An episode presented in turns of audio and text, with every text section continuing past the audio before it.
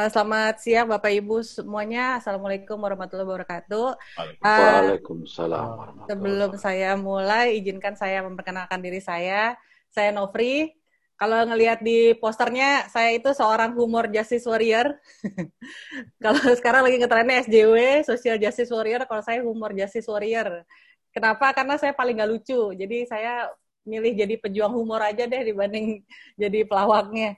Dan di sebelah kanan virtual saya itu adalah Mas Yaser. Mas Yaser adalah seorang produsen jokes bapak-bapak akibat dari uh, tidak merdekanya dia di rumah karena mendapat bulian dari uh, anak dan istrinya. Dan di sebelah kiri virtual saya adalah Ulwan, anak muda berbakat, seorang stand up comedian, researcher juga, uh, dan apa yang dia uh, gebetannya ada di mana-mana Cuman sayangnya nggak pernah dibales WA-nya sama gebetannya. Oke. Okay. Terus uh, mungkin Bapak Ibu bertanya, kok ini hostnya banyak banget ya, ada tiga orang ya? Karena kan kita uh, bertiga, jadi uh, ihik itu kan ada tiga ya, nyebutnya juga harus uh, ihik ihik ihik gitu. Jadi makanya uh, harus tiga orang nih hostnya nih gitu. Tapi sebenarnya sih uh, ininya apa kalau boleh jujur sebenarnya karena narasumbernya kelas berat nih kita harus harus dikeroyok rame-rame nih kayaknya nih. Kalau cuma sendiri agak-agak jiper gimana gitu. Ya uh, kemudian acara ini didukung oleh media partner kami yaitu majalah pajak. Oke okay, jadi uh, latar belakang dari kami mengadakan acara ini adalah karena humor itu dianggap sebagai sarana untuk menghibur seseorang. Namun beberapa kalangan menilai humor dapat menjadi berbahaya nih, sehingga harus direpresi. Uh, seperti waktu pada saat kita sebelum reformasi ya.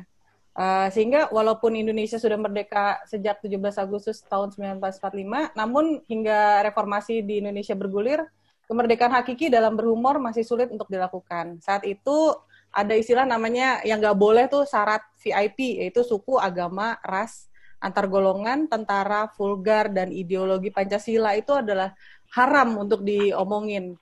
Dan uh, apa waktu itu pilihannya untuk pelawak hanya dua, bermain aman tanpa menyinggung-nyinggung uh, kata-kata tersebut.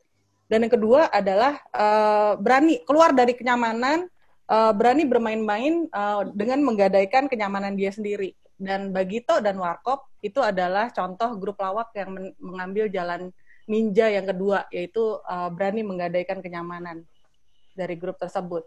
Nah, saat reformasi Indonesia masih mencari bentuk barunya. Begitu pula dengan humor uh, dari dikekang menjadi bebas.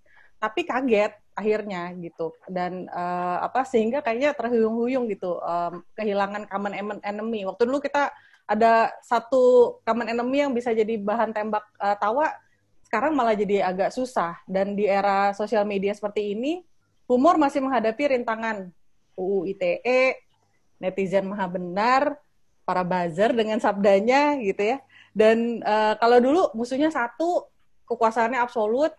Kalau sekarang musuhnya banyak. Tapi uh, kekuasaannya mungkin hampir tidak ada tapi nggak kalah menyeramkan. Dan uh, tidak sedikit stand komedian atau pelawak yang babak belur akhirnya dengan musuh-musuh ini.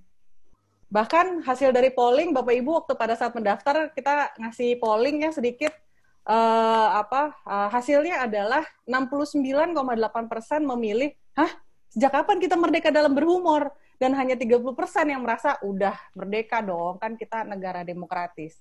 Sehingga hal ini menjadi keresahan kita sama-sama ya. 70 hampir 70% merasakan kayaknya merdeka nggak sih kita sebenarnya? Jadi walaupun Indonesia sudah merdeka 75 tahun, namun sudah benar-benar merdekakah humor kita? Sudah merdeka atau masih ada tapi? Oke, okay, uh, kita market this. Mari kita berdiskusi. Asik. Sudah, sudah bersama kita uh, Kang Deddy Gumelar yang biasa kita sebut uh, yang kita selama ini kenal uh, Kang Miing. Selamat siang, Kang Deddy. Selamat siang. Ya, Tapi uh, gambar saya kok nggak ada ya? uh, Aduh, disembunyiin Mas Yasir kayaknya gambarnya. Ayo Mas, kembaliin Mas. Enggak, ini sih dari Kang Dedi aja.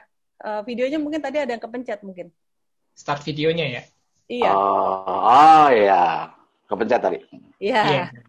Ya, okay. assalamualaikum, selamat siang semuanya. Siang. Uh, izinkan saya uh, ini dulu ya, apa bacain profilnya Kang Dedi ya, walaupun semua orang udah pada tahu sih sebenarnya. Alah, ya. ya, uh, saya biasa nyebut Kang Dedi Gumelar ini adalah Kang Dedi uh, karena masih muda, sama-sama masih muda kita. Terus uh, dan uh, pasti semua tahu bahwa beliau adalah personil uh, grup Bagito dan yang Bagito sendiri sudah berdiri dari tahun 78 bahkan dari saya sebelum saya lahir. Terus hmm. uh, pernah menjadi anggota DPR RI dan sukses menjadi Pak uh, membuat Pak Harto tertawa ya. Nanti kita dengar ceritanya di sini. Terus uh, sebentar, saya nyontek lihat contekan dulu. Uh, anggota DPR RI tahun 2008 sampai 2014, uh, Direktur Komunikasi Universitas Islam Asafiyah, aduh untung benar ngomongnya, Direktur PT Indraloka Wigraha Anugrah, Konsultan Property Management, dan Direktur Iwa TV. Benar ya, Kang Ming ya? Betul, oh, ya. yang saat ini saya geluti. Oke, okay. dan uh, apa kita udah sebenarnya udah dari dulu kita pengen ngundang uh, Kang Dedi, cuman katanya uh, sempat sakit kemarin, jadi kita agak nggak tega.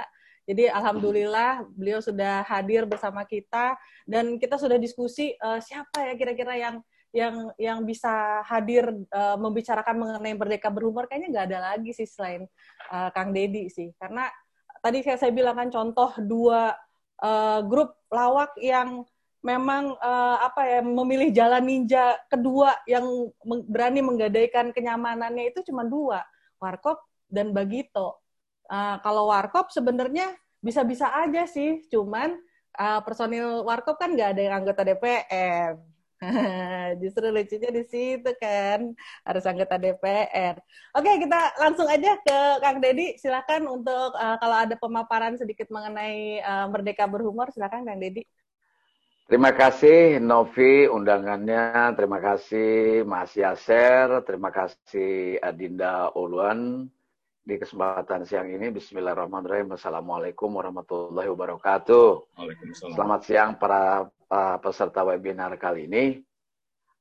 Yang ingin saya sampaikan pertama bersyukur pada Allah Subhanahu wa taala Tuhan Yang Maha Kuasa bahwa hari ini kita 75 tahun. Merdeka. Nah karena ini kerjasama dengan majalah pajak, maka saya akan perlihatkan ini adalah NPWP saya. Wede, langsung. Ini NPWP saya. Hmm, Oke, okay. jadi saya warga negara yang baik, punya NPWP dan bayar pajak, walaupun udah nggak ada kontrak-kontrak lagi, tapi tetap bayar NPWP, bayar pajak. Baik, uh, Novi dan teman-teman sekalian, saya Dedi Miinggumelar, boleh dipanggil Dedi, boleh dipanggil Miing. Kadang-kadang orang suka sulit, mungkin pakai Pak, saya boleh dipanggil. Saya harus manggil apa? Saya bilang saya dipanggil Dedi boleh, dipanggil Miing boleh. Yang penting asal jangan dipanggil KPK karena saya nggak punya persoalan. Itu yang pertama pasti. Tapi kadang-kadang Novi memang uh, kelompok lawak ini atau pelawak ini di Indonesia ini dianggapnya dulu dulu ya, tapi saya nggak tahu sekarang dulu semacam kayak kasta terendah dalam dunia kesenian. Hmm. Karena pelawak, belum pernah saya ada pelawak yang sesenior Pak Bagio pun, sekalipun atau Warkop disebut sebagai seniman atau budayawan, disebutnya pelawak aja. Yeah. Dan anak kecil pun ke Om Ateng yang sudah tua pun bilang, eh Ateng, Ateng, eh Dono, Dono, gitu kan. Semuanya panggilan. Entah memang kurang ajar, entah memang saking akrabnya gitu. Saya nggak ngerti itu. saya juga pernah anak kecil gitu, Ming, Ming, untung bawa bapak nih, kalau nggak bapaknya gue gimbang juga tuh anak gitu. Iya kan kita udah punya anak panggil Ming Ming gitu. Mungkin karena akrabnya mereka yeah. dengan profesi pelawak itu sehingga bisa diolok-olok semacam gitu. Dan kita isi ikhlas-ikhlas saja selama dibayarnya cocok sih. dan di kesempatan siang ini saya bersyukur betul. Terima kasih Tuhan dan terima kasih pada penemu uh, media Zoom ini sehingga kita di tengah-tengah COVID ini masih bisa berkomunikasi, masih bisa berbincangkan.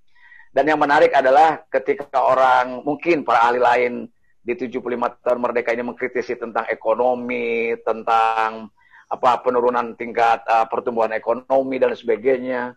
Lalu uh, begitu meningkatnya eskalasi dari uh, apa apa namanya yang terpapar COVID. Kali ini kita bicara humor. Humor ini bukan berarti tidak menjadi penting gitu. Humor dalam konteks hiburan memang pilihan yang keempat. Pilihan yang pertama itu kan pasti pangan. Orang dalam keadaan COVID harus stay at home, harus tinggal di rumah, nggak beli baju, enam bulan setahun nggak masalah, masih ada baju lain. Nggak beli rumah, nggak mati. Nggak beli baju nggak mati. Tapi kalau nggak beli makanan, kita bisa mati karena tidak makan. Gitu. Jadi yang pertama pangan, pasti yang kedua sandang, karena harus pakai baju. Kalau udah makan terus telanjang juga nggak boleh kan, harus pakai baju. Nah, makanya pilihannya yang kedua pangan. Ketiga baru papan. Nah, baru keempat entertainment, hiburan, di antaranya humor gitu. Ya. Jadi orang pasti kalau orang punya uang saat ini hajat mikirin catering ya ketimbang isinya pelawak mau stand up kayak mau pelawak kayak mau hiburan gitu ya. Jangan sampai orang Pak mau nanggap pelawak nggak gila lo orang lagi susah cengar cengir lo diomelin orang malah kita. Nah untuk itu saya kira karena ini pilihan keempat tetapi bukan berarti tidak penting gitu. Humor kalau mengacu kepada teorinya yang disampaikan Pak Jaya Suprana itu kurang lebih 30 tahun yang lalu bahwa humor itu sesungguhnya kalau menurut ahli kedokteran adalah bahasa latinnya itu humor itu cairan gitu. Cairan ini yang sama fungsinya dengan dahak, dia bisa kemudian dengan fungsi-fungsi yang lainnya darah, bisa membangun emosi kesedihan, bisa membangun emosi kegembiraan dan di antaranya adalah humor adalah itu gitu. Nah humor juga bisa berfungsi sebagai katarsis. Katarsis itu adalah sebagai ruang terbuka dari kepengapan situasi uh, keterjipat, keterjipitan sosial masyarakat baik ekonomi maupun politik. Misalnya ada satu ruang yang terkunci gelap, lalu ada lubang angin sedikit, nah itulah katarsis. Itulah uh, ruang pencerahan, itulah ventilasi. Ya. Jadi kan orang sesungguhnya kalau orang dewasa lebih baik menerima humor yang mengkritisi ketimbang orang turun ke jalan gitu. Hmm. Yang menimbulkan anarkis gitu. Pilihannya harusnya itu gitu. Kalau orang-orang yang pemikirannya uh, peradaban yang dewasa gitu. Nah, humor ini sangat berfungsi gitu. Bisa berfungsi sebagai alat komunikasi, bisa berfungsi sebagai alat uh, media adaptasi, juga bisa mencairkan. Sesungguhnya kelihatan sekali kok. Kalau para pemimpin dari tingkat RT sampai presiden, dia memiliki sense of humor, cara memimpin negaranya akan menjadi berbeda gitu. Dia akan memiliki kelenturan gitu. Jadi bagaimana orang berkomunikasi dengan ini. Makanya sekarang menjadi pilihan para ustadz kan, humor itu. Kadang-kadang juga ustadz juga banyak yang mengutamakan humornya daripada mungkin pesan agamanya. Atau sebaliknya di, di dan sebagainya. Itulah humor menjadi pilihan. Karena begitu menariknya humor, maka semua orang sama-sama menggunakan humor sebagai alat media komunikasi. Hanya celakanya, tidak semua orang memahami filosofi humor, kapan dia menerapkan humor yang tepat, kapan yang tidak. Sehingga banyak orang celaka. Nah ini larilah kita kepada pembahasan yang saat ini ada gitu ya. Kak Novi tadi menyampaikan judulnya menarik sekali. Merdeka atau tapi. Jadi kalau Novi atau Yaser pernah melihat film-film zaman dulu di kereta-kereta api di tembok-tembok zaman perjuangan, zaman revolusi di tahun 42 tahun 45, itu sering kita lihat dalam dokumentasi ada tulisan tagline atau credo ataupun slogan merdeka atau mati. Itu dulu orang sebelum merdeka, sebelum tahun 45. Tapi setelah 45 tahun ke sini, apalagi setelah reformasi, sekali merdeka, merdeka sekali. Kadang-kadang bakar polsek, gitu kan. Kadang-kadang nggak setuju langsung ini. Yang tadi Novi bilang. Jadi saya ingin berbicara dari tiga tahap gitu. Pertama, karena kita, saya ngalamin zaman Orde Baru, ya, zaman Presiden Soeharto, saya ngalamin betul sebagai seniman, sebagai pelawak lah sebut saja. Lalu ada setelah itu punya kemerdekaan di uh, zamannya reformasi dan pasca reformasi setelah 20 tahun reformasi itu. Nah, ada tiga tahapan yang memiliki diferensiasi, memiliki perbedaan-perbedaan. Kalau di zamannya Orde Baru dulu jelas kok bahwa otoriternya. Saya kok nggak yakin ya Pak Harto nggak ngerti soal demokrasi. Cuma memang pada saat itu menghitung warga negaranya ini masyarakatnya belum siap untuk demokrasi. Sebab apa? Sia-sialah mau mem memberhalakan demokrasi kalau perut rakyatnya lapar itu nggak bakal terjadi. Hmm. Karena ketidakadilan itu. Harusnya dibangun keadilan dulu, lalu rakyat sejahtera, baru mungkin demokrasi seperti negara-negara maju yang lainnya. Kalau kita dalam keadaan uh, apa demokrasi keadaan lapar mungkin pada saat itu itu akan lain ceritanya juga. Nah, terjadi terbukti bahwa zaman dulu berhumor saja dulu itu betul-betul yang Novi katakan tadi sara itu nggak boleh gitu. suku agama ras dan sebagainya sekarang juga memang tidak etis gitu akan tetapi ada di luar-luar sara itu yang memang atas nama kekuasaan memang agak sulit dikritik atau diberikan masukan pada saat itu karena represif betul gitu. Nah, hebatnya intelijen zaman dulu dengan sekarang mungkin nih ini mengkritisi mudah-mudahan sih saya nggak ditangkap ya. Kita untuk nyari Harun Masiku aja susah kan sebetulnya banyak intelijen gitu. Kenapa nggak nggak nggak ketangkap gitu? Atau uh, siapa namanya Joko Chandra setelah 11 tahun dia kabur-kabur nggak ketangkap baru sekarang gitu. Nah zaman dulu jangankan melakukan makar atau jangankan melakukan demonstrasi mahasiswa. Baru niat aja udah ditangkap kalau dosa saking hebatnya tuh. Gitu. Nah, itu zaman dulu. Jadi saya kira ini ini persoalan-persoalan yang memang sangat uh, sangat uh, mengerikan gitu. Maka di antara jalur uh, seniman atau pelawak yang berani mengambil langkah itu, di antaranya mungkin kalau uh, penyair, budayawan, ya muncullah W.S. Rendra yang kritis betul dalam puisinya. Muncullah Pak Taufik Ismail dengan begitu hebatnya puisi-puisinya. Muncullah uh, Reantiarno sebagai hmm. pendekar teater koma yang selalu menyuarakan uh, apa namanya uh, apa namanya uh, persoalan-persoalan yang empirik masyarakat gitu loh. Kemudian juga muncullah Iwan Fals dengan lagu-lagunya itu. Muncullah warung kopi uh, Prambos pada saat itu atau Warkop DKI almarhum Mas Dono, Mas Kasino dan apa Indro yang saat ini masih ada. Lalu di setelah Warkop ada muncullah Bagito kami ini gitu. Hmm. Nah, bahkan menurut saya uh, dulu jelas gitu bahwa kita berhadapan ketika melakukan humor sebagai uh, kritik sosial itu berhadapan dengan penguasa. Penguasanya cuma satu, yaitu pemerintah gitu. Itu rezim. Gitu. Begitu masuk ke reformasi, istilahnya kalau zaman dulu, zaman dulu itu, zaman Orde Baru 30 tahun itu, kita ada jarum jatuh pun kedengeran. Saking sepinya orang nggak berani apa-apa. Suaranya terdengar, bisikannya terdengar gitu. Hmm. Begitu masuk reformasi, kita ibarat berteriak di pinggir pantai. Suara kita, teriakan kita sama dengan suara ombak, bahkan ombak lebih besar. Saking banyaknya orang berteriak gitu. Nah sekarang, gitu ya, menjadi kritik sosial uh, menjadi tumpul karena apa? Karena saking begitu terbukanya. Nah di era reformasi dan pasca reformasi terutama yang Novi bilang tadi, begitu ada ormas, ada ini, ada ini, ada netizen, ada segala macam. Yang punya kekuasaan secara struktural pemerintah. Tapi yang berkuasa begitu banyak orang. Nah ini masalah. Misalnya dengan kasusnya siapa itu Emon bintang Emon atau apa siapa gitu. Ya. Begitu ketakutannya dia padahal bukan bukan tentara, bukan polisi yang mengejar dia, tapi juga masyarakat ini. Bukan berarti dulu nggak ada. Saya juga ada, tapi mungkin lebih minimalis karena sudah terdominasi oleh uh, penguasa itu sendiri gitu loh. Nah, sehingga kalau ini humor dijadikan sebuah media komunikasi, maka ada satu hal.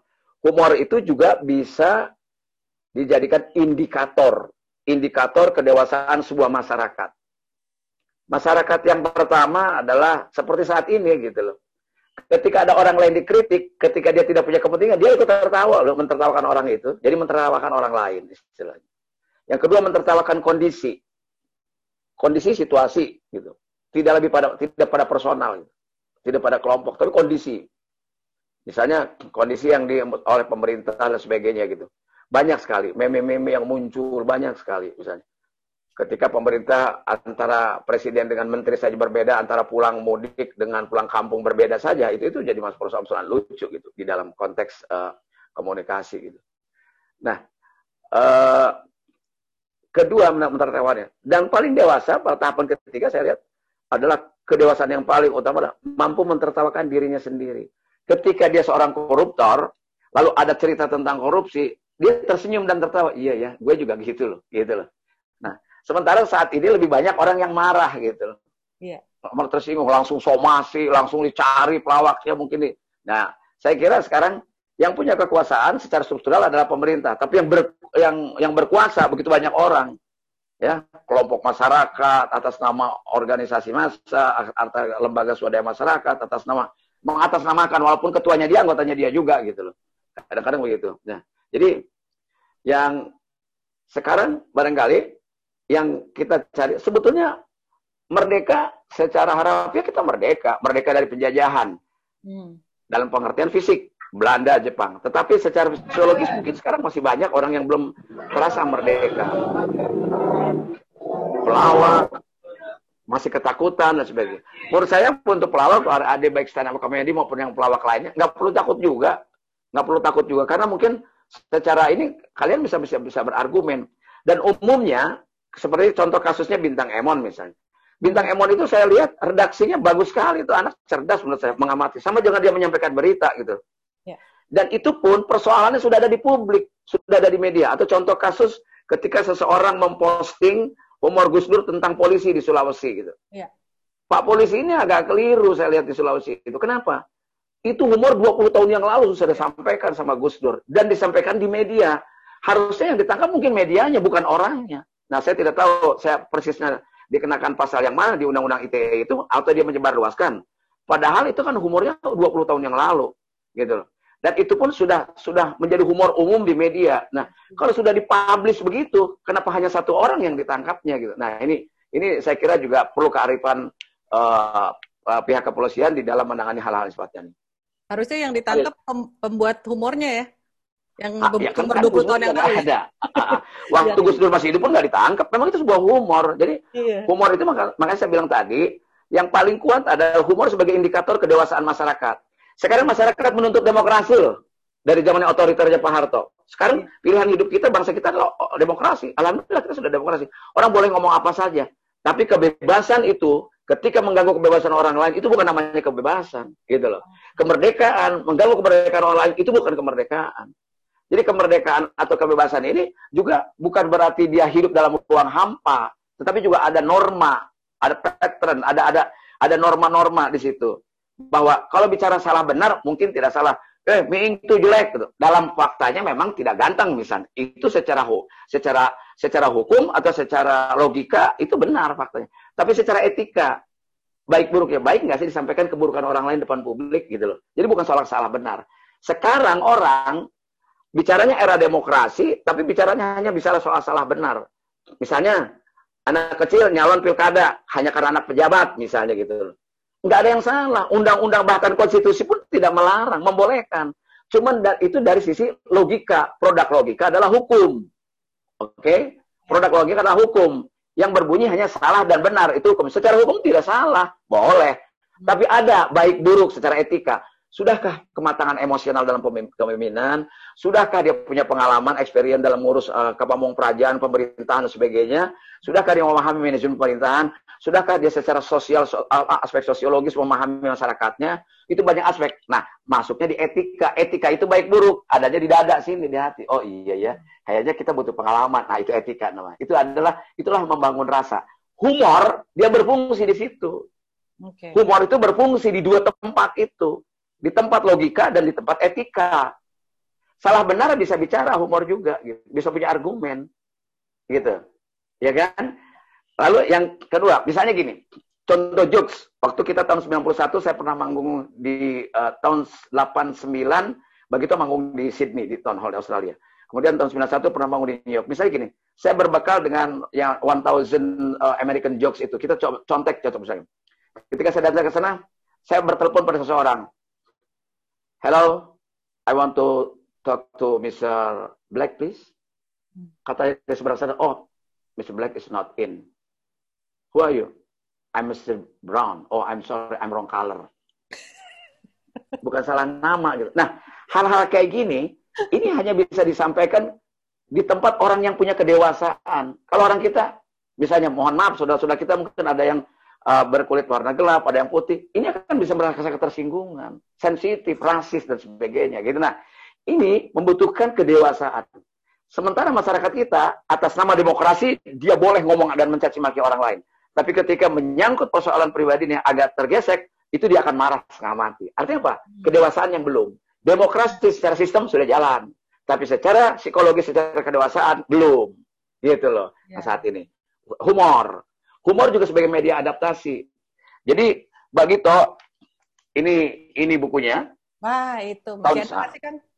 Mas ya, oke okay, ini bagi To bukunya. Ini terbit tahun 95 ya. Dan di sini ada cari gara ada judulnya dibaca. Uh, mudah-mudahan bisa baca. Cari gara-gara di depan kepala negara. Oke, okay. ya kan? Nah, ini saya manggung pada tahun 93 itu ditelepon oleh Ibu Suryadi Sudirja. Pak Suryadi Sudirja pada saat itu adalah Gubernur DKI Jakarta. Lalu saya diminta jam 11 malam saya datang ke Surapati, tempatnya rumahnya Pak Anies, rumah dinas sekarang ini. Datang ke sana, saya diberikan buku setumpuk begini, buku PKK, bahwa saya diminta oleh Butin Soeharto untuk manggung hari Ibu tahun tanggal 22 Desember tahun 93. Dan begitu lagi top of mind gitu. Lagi betul-betul top di RCTI dengan baksonya gitu loh. Nah, Butin hanya minta, aku minta anak-anak muda yang tiga orang di RCTI itu lucu, aku suka, kata Butin Soeharto. Yang disampaikan oleh Bu Gubernur itu, oleh Bu Ibu Suryadi. Maka kami mencoba. Dalam kurun hampir dua minggu kita, ternyata uh, ditelepon lagi, saya dibatalkan. Karena tidak diperkenankan oleh seknek, oleh protokol. Mereka tahu betul bagi itu nakal, apa yang seperti Novi bilang. Kita, kita selalu mengkritisi pemerintah. Ya. Dan celakanya lagi bagi itu mengkritisi kepada pemerintahan Pak Soeharto di televisi miliknya anaknya Pak Harto, namanya RCTI, milik Pak Bambang waktu itu. Nah, ya. itu itu sih bukan bukan berani sebenarnya emang, emang nekat aja gitu karena nggak punya pengetahuan pada saat itu nekat-nekat aja gitu loh.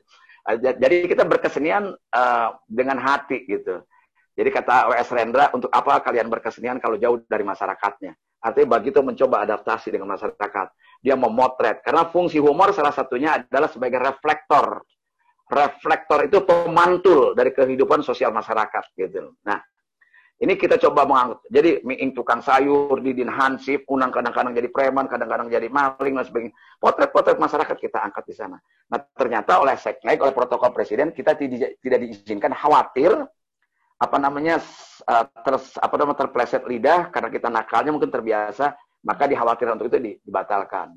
Lalu dipanggil kami oleh Ibu Yogi S. Mehmet, Ibu Yogi apa Yogi S. Mehmet itu Menteri Dalam Negeri. Dalam Jadi negeri. Gubernur DKI yang nanganin bagi itu istrinya Gubernur DKI sama istrinya Menteri Dalam Negeri. Hmm, sampai segitu hebohnya kita diminta oleh Putin. Pada akhirnya kita kasih tahu dan ya nggak apa-apa, happy happy aja, malah senang kita daripada stres, ya kan? Ini ingin cerita soal represif nih ya. Nah kemudian ternyata dilaporkan oleh Ibu Menteri dan Ibu, Ibu Gubernur kepada Butin. Butin dia bilang nggak bisa, nggak mau aku.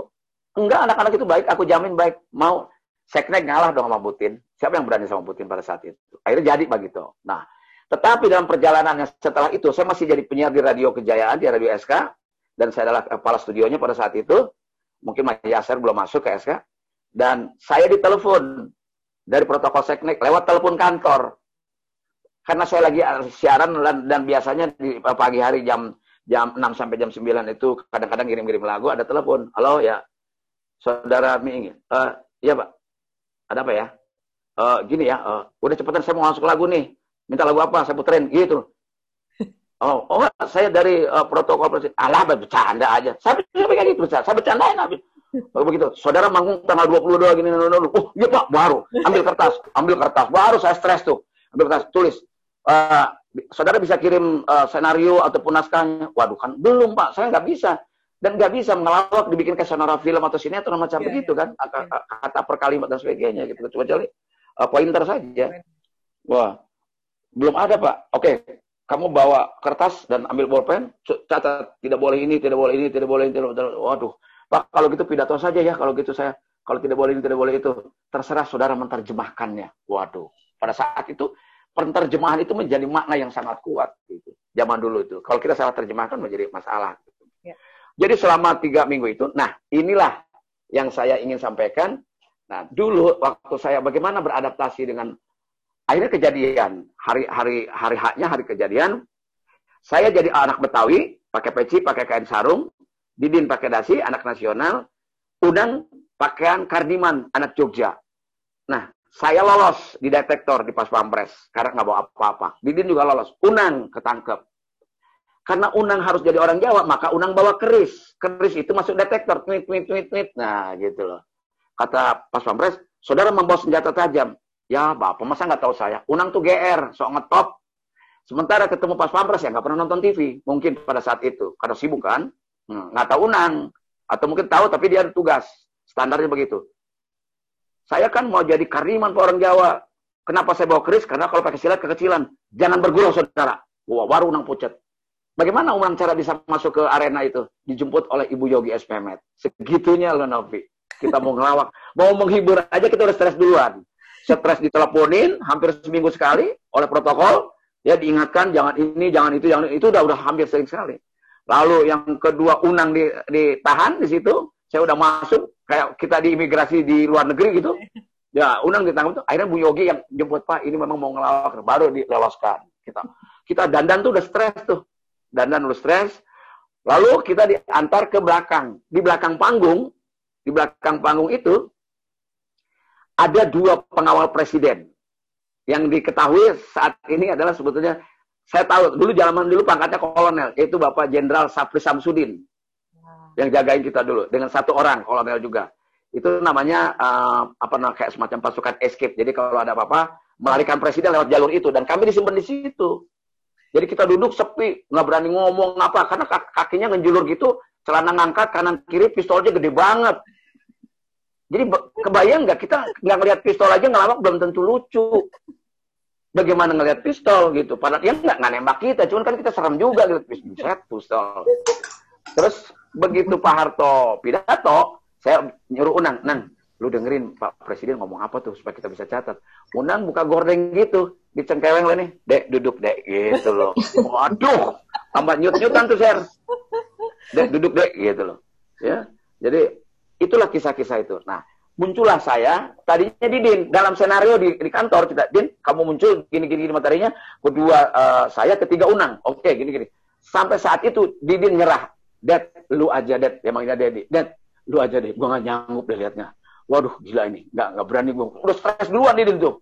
Unang, Dad, kalau lu berhasil, lu aja deh. Uh, Unang udah nggak usah ikut lah, gua kan nggak bisa ngomong kalau kayak gini-ginian gitu. Unang itu udah nyerah duluan tuh. Tapi saya tuh lupa, ternyata hari ibu itu bukan hanya dihari oleh Presiden Soeharto dan Ibu Negara, oleh Wakil Presiden dan Ibu Tri Sutrisno, dan para gubernur, para uh, duta besar, para menteri, lengkap itu. Di bagian bawah VIP itu. Di atasnya itu, Novi, itu orang yang memang penonton kita, itu menolong sekali. Ada pelajar teladan, ada bidan teladan, ah, teladan, dokter teladan, pramuka teladan, masyarakat teladan, tokoh-tokoh di atas di, di balkon balai sidang ya, ya. Bal, balkon balai sidang. Jadi saya begitu muncul, begitu muncul, itu berteriak mereka. Ah, saya abaikan dulu Pak Harto, saya lari-larian aja dulu, gur, gur, gur. udah mencair baru saya ngomong. Nah, kurang lebih pakaiannya kayak begini dulu saya tuh. Hmm. Ini hanya untuk bagaimana teman-teman adik-adik menyimbolkan sebuah adaptasi di dalam komunikasi berhumor. Saya persis kayak gini pakaiannya. Pakai baju koko, pakai gini. Assalamualaikum warahmatullahi wabarakatuh, Bapak Presiden dan Ibu Negara yang saya hormati. Bapak Wakil Presiden bersama Ibu Trisno. Perkenalkan, nama saya Miing, orang Betawi yang populasinya tinggal sedikit tergusur atas nama pembangunan. Di depan Pak Harto masih bicara begitu. gitu. Saya senang banget Pak ketemu Bapak Presiden di sini. Uh, tapi mohon izin kalau boleh saya cerita Pak, tiga minggu sebelum manggung di sini, saya udah empat kali ke dokter jantung, diteleponin sama protokol dari sana. Stres saya. Dan itu diungkapkan oleh saya. Ternyata berhasil. Pak Harto tertawa. Pak Harto tertawa. Lalu saya bilang, terima kasih Bapak sudah tersenyum. Pak Harto ngambil sabut tangan, dan saya ingat betul. Dia ngelap matanya, kacamata dibuka, dia lap gitu. Artinya dia ada air matanya, mungkin dia sedih, ada rakyatnya yang kayak begini gitu loh. Ya kan? Kok ada rakyat gue yang kayak gini gitu. Nah, Pak Harto tersenyum. Lalu Butin tuh dua kali jatuh itu kerudungnya ke bawah, ketawa dia masukin lagi angkat karena Butin uh, ramah sekali. Tersenyum. Dua-duanya memang smiling general ya, apa namanya tersenyum dengan ramah. Jadi yang ditakutkan kita ialah sekelilingnya sebetulnya Pak Harto nya nggak apa-apa gitu. Ya saya bilang, uh, saya sudah Bapak sudah tersenyum, Alhamdulillah itu adalah ibadah untuk Bapak. Dan apabila Bapak berkenan tertawa, itu adalah amal jariah untuk Bapak. Sebab apa? Kalau saya bicara di sini, Bapak diam saja, kanan kiri Bapak tidak berani apa-apa. Wow, ger. Gitu. Saat itu. Udah wah, cair tuh. gitu. Nah, jadi acara Hari Ibu pada saat itu, itu hanya diisi oleh tiga pengisi acara. Pertama, tarian dari Taman Mini, saya ingat betul. Yang kedua, putrinya Ibu almarhum Profesor Dr. Tuti Alawiyah dari Asafia itu dia baca puisi uh, Siva namanya kelas 5 SD pada saat itu. Dan ketiganya Bagito hmm. yang pengisi acaranya. Jadi betul-betul terseleksi betul.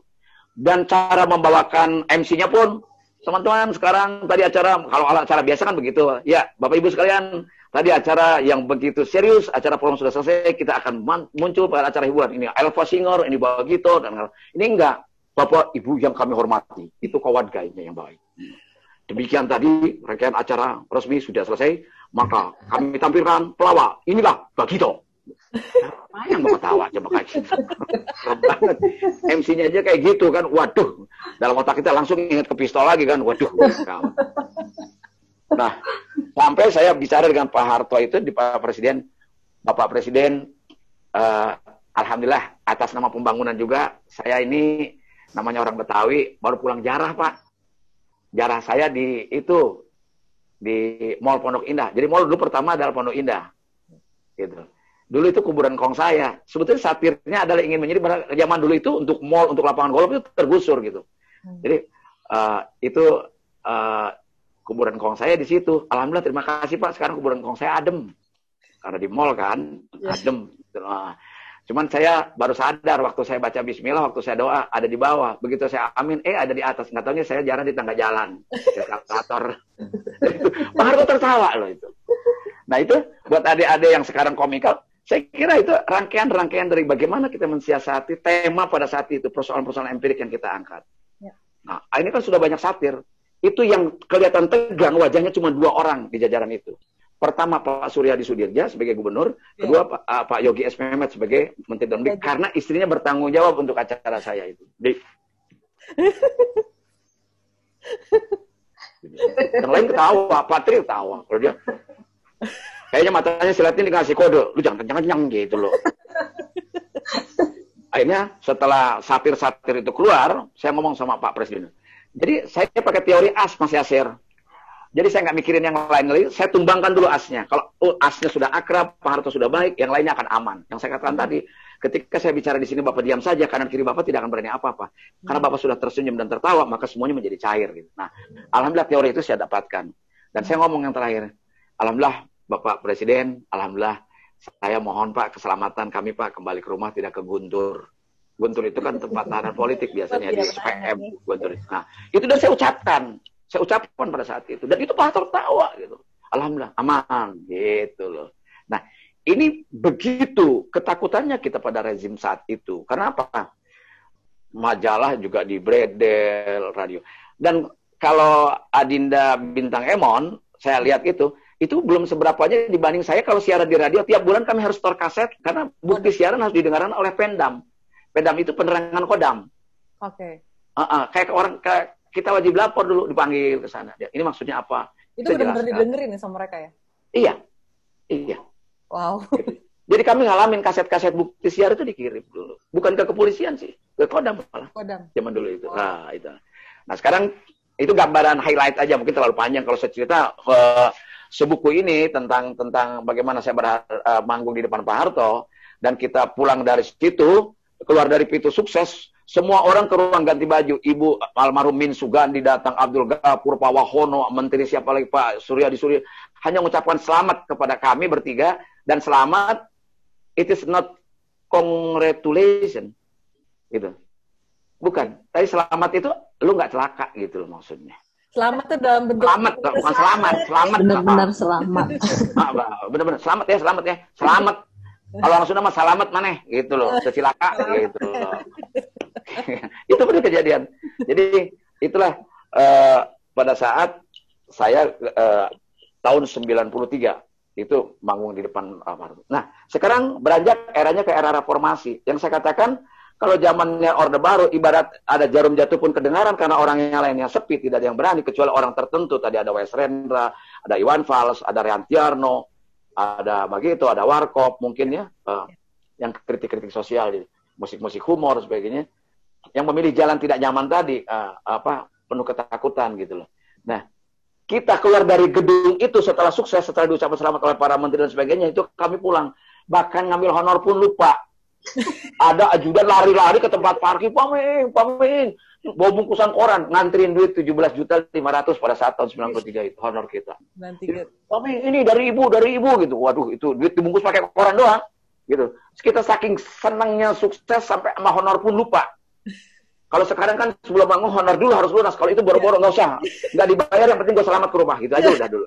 udah selamat aja, udah alhamdulillah. Ya, udah selamat aja, alhamdulillah. Tuh, ya. Dan itu Nopi kami dari pagi tidak breakfast lah, nggak makan pagi lah. Karena perut tegang, nggak ada yang masuk kecuali air putih. Tegang, yeah, yeah. betul tegang.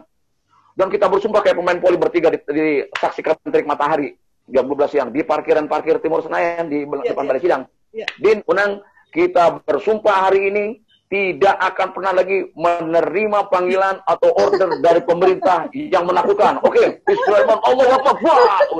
Kayak pemain poli gitu, sukses. Oke, okay, tenang. Dari situ kita ke Jalan Barito, makan soto Betawi Madun. Satu orang habis dua mangkok, kamu lapar. Wah, tenang. Pas sedang. Dendam, dendam. Apa yang terjadi dong, Novi? Iya. Dua minggu kemudian saya karena kontrak dengan RCTI, direktur utamanya namanya Pak Peter Gonta, mantan duta besar Polandia dan dia promotor Java Jazz ya. Iya. Semua orang tahu Peter Gonta dan cukup baik dan bersahabat dengan kita.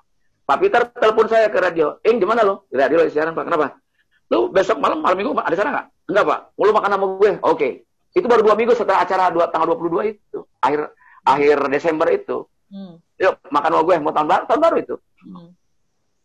Mau sebelum tahun baru lah, dua hari sebelum tahun baru. Eh, ke mana Pak? Gue tunggu di Grand Hyatt. Oke, kita makan. Oke, makan. Pakai batik loh, pakai batik kita, pakai batik semua tiga. Begitu mobil saya datang, Peter Gonta udah berdiri di lobi. Seorang Peter Gonta nungguin kita gitu loh. Hmm. Dia ambil mobilnya di Valen itu, dia nyetir sendiri, dia perintahkan, "Eng, lu duduk sebelah gue, Unang Didin di belakang." Di bawah, kita makan yuk di Menteng. Itu dimakan di Menteng. Ada makan ke Grand Hyatt aja, enak di hotel. Alah, bosan gue makan di sini. Kita cari makanan tempat. Jalannya terus ke jalan Mesuru eh ke Sur- apa jalan apa itu Cemara jalan terus terus terus, terus. ujung-ujung apa mana coba kita dibawa ke Cendana disuruh manggung ngedadak tanpa kompromi itu gila nggak Oh, padahal udah bersumpah tadi ya. Iya. Saya hanya dijadiin kado oleh eh, oleh Peter Gonta. untuk keluarganya Cendana. Karena pada saat itu eh, Pak Peter Gonta baru dapat izin pendirian Indovision, eh, kabel TV itu. Oh. Pertama itu dulu. Nah, eh, saya di, di, di ini apa diajak ke sana. Pak Peter, ini kan rumah Pak Harto. Iya, Bapak Mbak Ibu pengen nonton lebih dekat. Kemarin jauh kita jaraknya dari panggung, sekarang di ruang keluarga. Apa nggak mati kita? Kalau dirundingin dulu mungkin kita nolak, mungkin kita cari bahan. Ini nggak punya bahan sama sekali. Kebayang nggak? Dan acaranya ingat saya, Halloween, Halloween, Halloween. Sebab Mbak Mami sama Mbak Titi waktu masih muda itu ngejar-ngejar Eno, ngejar-ngejar putra putrinya, eh, ngejar-ngejar cucunya Pak Harto, kayak kayak setan-setanan itu loh Halloween yang kalau di Amerika ya, budaya Iya. Amerika itu. Oh, oh, gitu, Halloween Halloween takut-takutin gitu. Dan yang nonton hanya terbatas keluarga, ada Adi Gunasotowo, ada Pak Jiwandono, keluarga mereka lah, koleh-koleh Pak Harto itu. Dan Pak Hartonya kan lebih dekat Prabowo masih kolonel, karena kami tiga-tiganya dikasih dasi oleh Prabowo. Hmm. Pak Prabowo itu masih dan kodiklat eh, dan pusdikpasus Pak eh, komandan pusat pendidikan Kopassus di Batu Jajar. Makanya kolonel saya ingat betul kita dikasih dasi sama Pak Prabowo waktu itu. Gitu. Nah jadi saya manggung di depan keluarga besar. Stres. Didin sama Unang lihat lu aja yang berani ngomong. Gua sama Didin udah di sini aja di, di teras. Unang Unang udah nggak mau masuk. Unang Unang sama Didin. Tumbal yang paling tua. Tapi kan orang mintanya bagito. Bapak dan ibu minta bagito. Waduh, bagaimana caranya ya? Dibukalah kan anak-anaknya di, udah kejar-kejar sama Mbak Titi, sama Mbak Mami gitu, setan-setanan gitu. Saya anak-anaknya ngumpul, cucu-cucunya ada Eno, ada Ari Sigit, semua di situ ngumpul. Eh, adik-adik, anak-anak cendana, cucu-cucu yang yang lucu-lucu, yang pinter-pinter. Tadi maminya ngejar-ngejar. Jadi setan-setan takut nggak sama setan? Enggak. Aduh, rame-rame. Oh ya bagus. Batu top anak cendana tuh. Nggak takut sama setan. Kenapa? Setan nggak berani masuk ke cendana sebab di luar banyak PM dan pas pampres. itu dulu. Itu kejadian itu ya. Ingat betul. Akhirnya ke sana kemari ger ger ger ger ger gitu. Didin baru berani masuk, Unang baru masuk. Gue tumbal di depan selalu itu. Nah, itu gambaran kurang lebih betapa saya tidak ingin mengatakan represif karena tindakannya pada saat itu tidak, tidak represif juga hanya secara psikologis. Mungkin apakah kategorinya represif atau tidak. Tapi secara secara psikologis orang sudah tidak berani apa-apa mengkritik langsung. Uh, media uh, beredel. Dan pelawak ya mungkin nasibnya bagus karena Putin yang minta. Coba kalau yang lain bisa mungkin juga uh, nggak selamat juga. Nah artinya bahwa saya ingin bercerita bahwa itu sejarah dan fakta yang harus kita lalui dalam konteks demokrasi. Hmm. dalam konteks kemerdekaan. Hmm. Nah, sekarang masuk di era reformasi. Era reformasi 20 tahun kita sudah lewatkan dan begitu melahirkan teknologi, masuk lagi pada revolusi digital. Begitu liberalnya media kita. Ya. Semua orang tiba-tiba punya televisi sendiri. Yes. Nyaris televisi ditinggalkan. Mereka sudah punya uh, infotainment sudah tidak laku lagi. Artis sudah bisa mengekspos dirinya. Yes. Gitu loh. Sudah sudah sudah sangat seperti apa yang kita pahami sekarang dan kita sudah bisa berkomunikasi lewat Zoom dan sebagainya gitu. Nah, ini saya kira ini menjadi menjadi memiliki perbedaan uh, sekali. Kalau dulu mungkin takut atas represif kekuasaan pada saat itu karena menjaga wibawa dan stabilisasi politik tidak boleh diganggu. Nah, kalau sekarang yang saya bilang tadi, kalau zaman Belanda dulu ada slogan sekali merdeka tetap merdeka, kalau sekarang sekali merdeka merdeka sekali. Ya. maki-maki orang, ngelawan polisi, disuruh di, di, di, dihukum oleh polisi nggak mau. Terlalu bebas menurut saya gitu. Nah, cuman yang sangat saya ingin kritisi dari publik dan masyarakat secara pada umumnya ya bahwa kita apa namanya uh, apa namanya ya keinginannya kita dari era represif dari era otoritarianisme itu dari rezim otoriter itu ingin beranjak maju menjadi demokratis masyarakat yang demokratis ya. dengan bingkai demokrasi itu ya. tetapi pada pada faktanya di lapangan secara sistem kita sudah demokrasi pemilihan pilkada langsung, presiden langsung, DPR langsung, itu sudah demokrasi secara sistem, secara struktural sudah. Tetapi secara individu, secara kedewasaan, belum memahami demokrasi. Karena apa? Ketika kepentingan tersinggung, kendati pun itu memang faktanya demikian, dia akan marah. Hmm. Atas nama kelompok, atas nama ormas, atas nama uh, lembaga swadaya, atas nama segala macam. Jadi saya kira merdeka sekalinya itu hanya untuk kepentingan dirinya. Belum kedewasaan yang tadi. Kalau dalam konteks humor tadi, kalau humor tadi misalnya, tadi satu yang pertama adalah mentertawakan orang lain, dia pun ikut mentertawakan orang lain karena yang celakanya orang lain. Misalnya gini, hmm. kalau kita nonton film Markov atau Tris Company misalnya, film-film itu uh, komedi, dah gaya naik sepeda, ada perempuan dada dada tiba-tiba nabrak apa misalnya. Nah orang lain akan tertawa. Tapi kalau dia yang naik sepeda nabrak pohon ditertawakan dia akan marah. Ya. Nah ini ini kondisi yang yang pertama. Masyarakat saat ini saya lihat masih seperti itu. Jadi humor sarkas meledek fisik orang masih masih nampak gitu dari pelawak-pelawak ini. Yang kedua adalah mentertawakan kondisi. Hmm. Ya, mentertawakan kondisi. Kan begitu banyak ya. Begitu Covid, begitu banyak meme, begitu banyak humor-humor yang lucu-lucu menurut saya, cerdas. Itu mentertawakan kondisi bahwa kita ada di dalamnya. Tapi yang paling lebih dewasa lagi adalah uh, ketika misalnya orang sudah mampu mentertawakan dirinya sendiri. Ya, setuju. Ketika Pak Habibie almarhum beliau waktu saat presiden ingin menyampaikan pertanggungjawabannya di MPR, banyak yang teriak anggota MPR mengatakan Pak, Pak, Pak Habibie mohon maaf ya dengan segala hormat ada yang manggil-manggil seperti dakocan. Pak Habibie bilang demokrasi, ya, nggak apa-apa, lucu-lucuan ya. Dan sulit untuk mencari orang yang sedewasa itu gitu maksud saya. Atau mungkin seperti Gus Dur misalnya. Ya. Nah, ini saya kira uh, paparan pertama saya. Kemudian adaptasi saya, saya tadi pakai peci dengan alat Betawi. Sekarang saya coba. Kira-kira Novi ingat nggak topi ini? Masih kecil kali ya. Uh, topi ini usianya saya beli ini 32 tahun yang lalu ketika saya manggung tahun 89 di Town Hall yang saat kita manggung usia gedung itu 300 tahun di Sydney, Australia. Okay. Bersama Emilia Contessa, bersama Irang Maulana, bersama Ebet Kadarusman almarhum, Ya yang masih ada Bagito dengan Emil mungkin Pak Ireng sudah tidak ada, Kang Ebat sudah ada. Ini adalah topi yang dikenakan oleh seorang aktor Australia yang diproduksi oleh Hollywood. Nama filmnya adalah Crocodile Dundee. Oh ya. Saya nggak tahu. ya, Crocodile Dundee. Yang yeah. mungkin usia-usia di atas 35 tahun akan ingat uh, topi ini. Itu pemainnya adalah aktor komedi Australia namanya Paul Hogan. Nah, itu ketika saya masuk ke uh, Sydney itu, Mas Yasir, itu betul-betul film itu lagi happening. Di Indonesia pun happening. Makanya, untuk itu, bagaimana otak saya mengadaptasikan diri saya as a Australian people gitu loh. Sebagai orang Australia yang diwakili oleh Paul Hogan itu. Saya cari datang pagi, siangnya saya keluyuran di sekitar Darling Harbour sana, cari pertokoan-pertokoan souvenir, dan di satu toko dan hanya ada satu-satunya blessing buat saya. Saya beli itu. Dan saya pakai malamnya manggung, Ketika muncul, saya selalu pertama muncul. Pakai jas, tuxedo. Muncul, bawa tasnya kayak Hogan gitu, kayak Dandi itu. Dia adalah seorang pawang buaya kan sudah. Tukang naklukin buaya-buaya di Australia.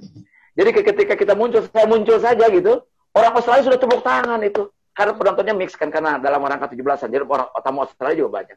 Mereka udah tepuk tangan lihat sampai ke topi ini. Artinya bahwa ini saja sudah berbicara gitu buat teman-teman uh, stand up dan sebagainya. Jadi tidak selalu bahwa komedi harus verbal gitu. Ketika simbol-simbol itu muncul juga akan mewakili gitu aspek-aspek antropologisnya, aspek sosiologisnya gitu. Nah ini muncul. Dan saya hanya mengatakan cuma sederhana. Good day, Matt. I'm ho I'm uh, Dandy. Gitu doang. Itu ger orang. Good day, Matt. Gitu. Pakai bahasa slang sana kan. Uh, uh, Good day, Matt. I'm Dandy. Itu ger orang. Bahasa Inggris saya udah terputus sampai situ. Udah gitu. I'm dandy, but I'm shorter than him. Ya itu aja udah ngomong terus ngomong, ladies and gentlemen, biasa lah. Kita siapkan jokes bahasa Inggris. Nah, apa yang ingin saya sampaikan ketika saya menggunakan topi ini? Ini ada nostalgic saya dan saya simpan sampai saat ini ada sebagai apa namanya bolehlah uh, sebagai kenang-kenangan bahwa saya pernah berkiprah di sana, pernah manggung di sana dan ini saksi apa matinya gitu ya. Uh, topi ini umur 32 tahun sampai sekarang dan ini berhasil mendobrak sebagai first impressionnya orang-orang terhadap sebuah kelompok begitu. Dan hebatnya di sana, Bakito tidak dikenal sama sekali oleh orang Australia, kecuali orang Indonesia-nya, dan kami bayar royalty terhadap union artis di sana. Oh. Itu artinya. Kuat ya di sana. Jadi, ya? Dianggapnya bahwa dengan hadirnya Bagito maka pelawak Australia pada malam itu paling tidak satu grup nganggur karena ada isi oleh kita maka you mesti pay mesti bayar Wow. royalty. Nah sementara di negeri Indonesia betapa hebatnya orang Jepang orang Korea manggung belum tentu bayar pajak. Iya betul. Nah ini saya kira saya nggak tahu mereka yang pintar apa kita yang bodoh. gitu. Nah inilah sementara uh, artis kita banyak yang nganggur. Betapa sulitnya manggung di uh, di jangan Australia lah, manggung di Malaysia, di TV Malaysia, di di di Korea apalagi atau di mana pun orang Indonesia tidak gampang menembus ya kecuali festival mungkin. Ya. Nah, tapi orang sana begitu mudahnya. Jadi memang kita bangsa yang ramah, saya kira. Bangsa yang humoris gitu lah. Jadi segala sesuatu yang memang lucu. Iya. Saya kira uh, awal paparan saya kurang lebih ini lebih pada pengalaman. Saya kira mungkin bisa jadi bahan diskusi baik uh, dalam konteks kajian akademis maupun uh, kajian experience ya, pengalaman atau experience knowledge lah yang saya sampaikan ini. Dan mutlak menurut saya pesan saya adalah bahwa humor adalah media yang paling efektif digunakan untuk media komunikasi untuk semua kalangan, Hmm. baik itu rakyat biasa, dia salesman, atau Iya. manajer marketing, atau direktur bank, atau dia frontliner dari sebuah perusahaan, apalagi dia adalah aparatur negara. Pendekatan humor jauh lebih efektif daripada pendekatan pentungan ataupun punishment dalam bentuk push up dan lain sebagainya. Ya. Terima kasih. Assalamualaikum warahmatullahi wabarakatuh. Waalaikumsalam warahmatullahi Menarik banget ya. Deddy. Iya, terima kasih Kang Dedi. Menarik banget nih eh, buat teman-teman yang belum tahu. Jadi Kang Dedi itu eh, dari pertama eh, IHIK eh, diluncurkan di tahun 2016 di bulan Maret, Kang Dedi sudah berpartisipasi dalam eh, me- apa, me- menceritakan pengalamannya dan eh, men-sharing kepada kita eh, ilmunya beliau. Kemudian pada saat simposium humor nasional, beliau juga hadir. Kemudian pada saat pembukaan uh, The Library of Humor Studies juga beliau hadir gitu ya. Jadi uh, sudah banyak sekali ilmu-ilmu yang ditularkan kepada kita. Tapi yang tadi tuh belum diceritain sebenarnya.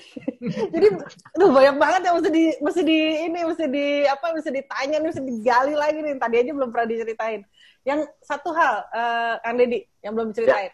Waktu pengalaman jadi anggota DPR gimana kemerdekaan berhumornya di sana? Kan Oh sebenarnya tadi ada yang tanya tuh, Kang Deddy, kata Kang Ming, uh, mana lebih lucu pelawak sama uh, anggota DPR? DPR betul. Nah, jadi saya suka ngomong gini, ada teman kita dalam pergaulan teman begadang, teman nongkrong, ada yang lucu banget. Lucu kan banyak ya teman-teman yang lucu ya, tapi dia bukan praktisi, bukan pelawak, bukan, tapi lucu aja gitu. Ya. Pokoknya kalau ada dia, oke asik banget gitu. Ya. Nah, dia lucu karena nggak dibayar, nggak ada beban. Begitu dibayar belum tentu lucu loh orang. Betul nggak Pak Yaser? Ya, betul. Yaser kan dosen tuh, ya kan? Nah, Iya iya iya. apalagi sekelas Bagito atau sekelas Warkop itu bebannya lebih berat karena dibayarnya udah mahal terus nggak lucu kan waduh itu itu keringat udah mulai keluar keringat jagung tuh gitu ya jadi eh, tadi pertanyaannya ya kalau anggota DPR ketika bicara makanya kenapa saya lima tahun enjoy jadi anggota DPR karena sama-sama ada mikrofon Oke.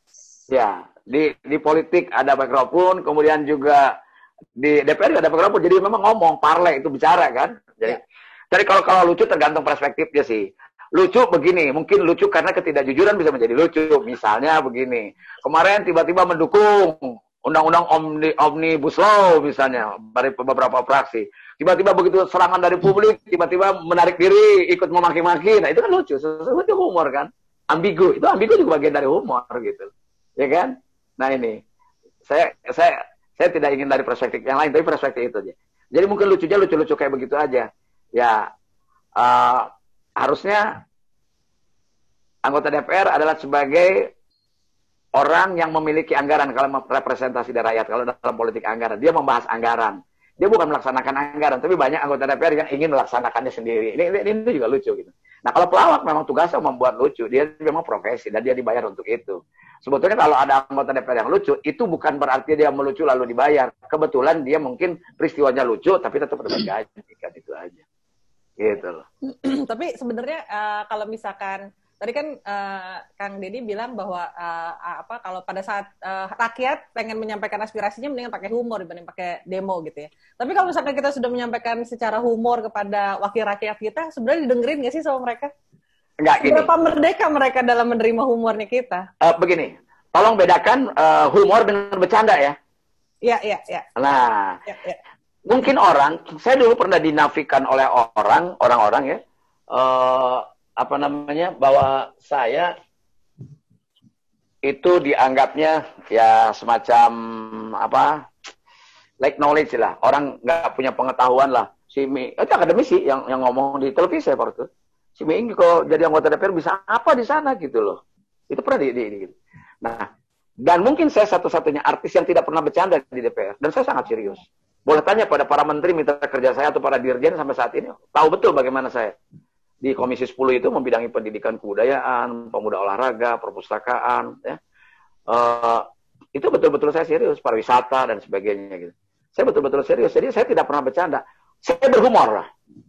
Hmm. Berhumor. Sekali waktu saya berhumor, meletupkan suasana itu, gas gitu. Tapi ya. balik lagi pada serius ya gitu. Jadi saya atur, saya manage betul bagaimana saya harus kapan saya meletupkan senjata. Tapi nggak niat menceritakan anekdot gini, jadi ya. ngelawak gitu. Enggak, ya. enggak. Jadi humor dengan melawak itu berbeda. Ya, ya. Bahwa melawak itu juga unsur ya humor, iya. Tapi niatnya udah beda gitu. Ya, setuju. Nah, kalau humor itu bisa menjadi media. Kenapa saya bersikuku bahwa humor adalah media yang efektif untuk dijadikan media komunikasi, alat komunikasi. Artinya apa? Dia hanya ice breaking di tengah kebuntuan ketika orang tidak paham. Atau hmm. ketika kita pakai bicara sama dia, dia kasih kita kasih analogi dalam bentuk humor. Tapi bukan bercanda, tapi kontekstual dengan substansi. Kalau ngelawak kan belum tentu kontekstual dengan substansi. Bisa cerita anekdot. Ya. Bisa dan lain-lain sebagainya gitu. Jadi mohon dipahami, kalau ada orang pernah mengatakan bahwa saya pernah jadi uh, saya ini pelawak lalu ke DPR, apakah uh, uh, jadi bedakan humor dengan bercanda itu beda. Ya, ya, setuju. Gitu bercanda bisa ngeselin, bisa mencelakakan orang, bisa menghina orang. Ya. Nah, kepalanya di kepala orang dibunuh, dah pukul gitu. Orang lain teman-temannya ketawa gitu. Ya. Terus ah gue cuma bercanda. Itu belum tentu humor nilainya. Atau ada teman misalnya temannya anak saya manggil anak saya manggilnya miing kan anaknya tersinggung. Masa bapak gue diolok-olok kayak gitu? Akan bercanda. Nah itu. Nah ya, nah ini ya. yang yang saya bilang kesalahan dalam filosofi humor itu di situ. Gitu. ya ya. Okay. Dan kadang-kadang kalau mau dilengkapi sebenarnya oh, bercanda itu suka jadi apa ya pembenaran kalau kita bisa ngelawak nggak lucu, Jadi alibi. Ah, marah sama ya, ya namanya juga bercanda masih gitu aja. Namanya juga bercanda. Gitu. gitu loh. Jadi lari pembenaran. Menjadi pembenaran. Ketika, gitu. ketika dia gagal meluncurkan humor, yang kontekstual yang masih asir ya. Ya, betul. Lalu dia melakukan pembenaran, ya bercanda ini gitu. Ya. Atau ketika dia ngelawak nggak lucu, yang ketawa dia gitu. Seolah-olah dia mau nolong orang, minta tolong sama orang, ketawa dong.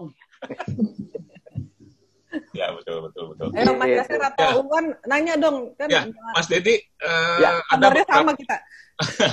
ada beberapa pihak yang kemudian mempertanyakan kadar humor seseorang. Kita sih ada uh, parameternya tuh ada 1 sampai 6. Di level 1 tuh ketika orang baru bisa ketawa kalau yang lain ketawa gitu loh. Tapi ada yang apa pun diketawain, orang meninggal diketawain, kecelakaan diketawain. Ada yang uh, bisa menertawakan diri sendiri Nah, uh, untuk orang bisa berhumor, apakah dia mesti memahami dia ada di mana? Atau dia boleh mengeksplor dirinya lewat apa aja? Menurut Mas Didi gimana? Sebetulnya sih mungkin tidak harus seteoritis itu ya Mas Yasir, kalau menurut saya ya. Karena humor itu kan kalau menurut teori kedokteran sebagai uh, bentuk cairan, itu kan setiap orang punya sense of humor, punya naluri sebetulnya, hmm. punya naluri. Cuma tergantung sejauh mana keterlatihan orang itu keterlatihan, keterasahan itu di dalam memahami. Karena gini, faktor pergaulan, faktor pendidikan itu akan memberikan indikator terhadap orang itu humornya terawat atau tidak. Gitu, terjaga atau terlatih atau tidak. Contoh gini, orang yang sangat uh, punya pengetahuan luas, ya, tapi tidak bergaul, itu juga masalah. Kita banyak loh, teman kita di sekolah yang matematikanya 9, kalau perlu angkanya 11 kali. Ya. Tapi temannya sedikit. Ya. Karena egois. Lu bodoh, gue pinter. Itu beda. Hmm. Atau ketika di kita diberhalakan, disesatkan oleh politik pendidikan kita zaman dulu, bahwa anak IPA itu lebih berkasa dibanding anak sosial, anak IPS. Hmm. Ya kan? Ya. Fenomena itu ada kan? Ya, ya, ya. Padahal salah sebetulnya. Jangan dikira loh. Ya, yang saya bilang tadi, anak saya punya teman loh, fisikanya 9, matematikanya 9. Ternyata hidupnya tidak lebih sukses dari kita. Ya. Karena kita temannya banyak. Ya. Nah, media humor itulah yang yang menjadi modal saya dulu. Media network itulah yang menjadi uh, arah kemajuan kita.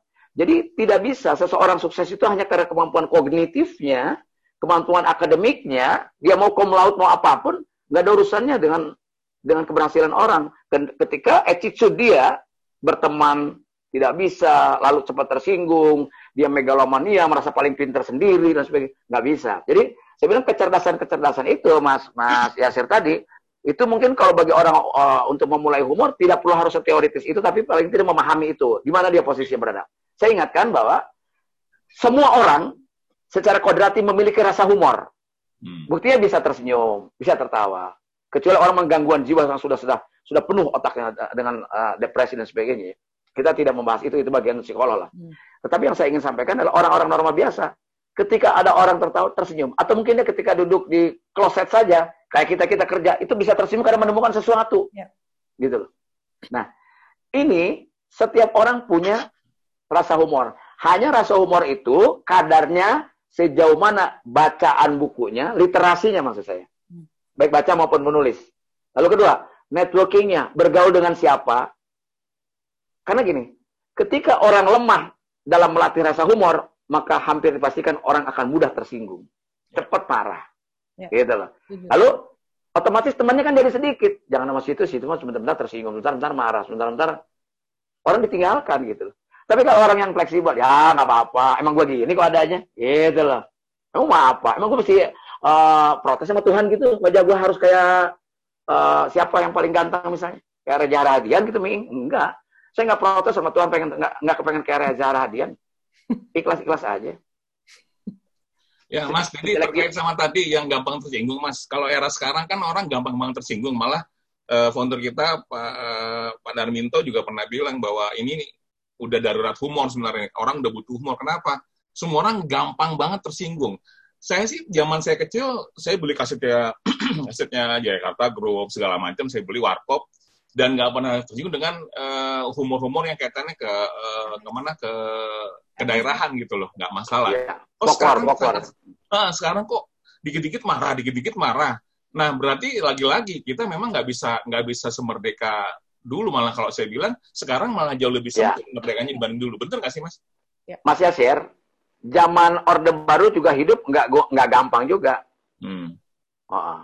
Bedanya zaman Orde Baru, kalau dulu adalah peristiwa korupsinya terpusat karena sentralistik, kalau sekarang kan desentralisasi, maka apa korupsinya di mana-mana kan sekarang malah hmm. berantakan di desa di mana-mana gitu.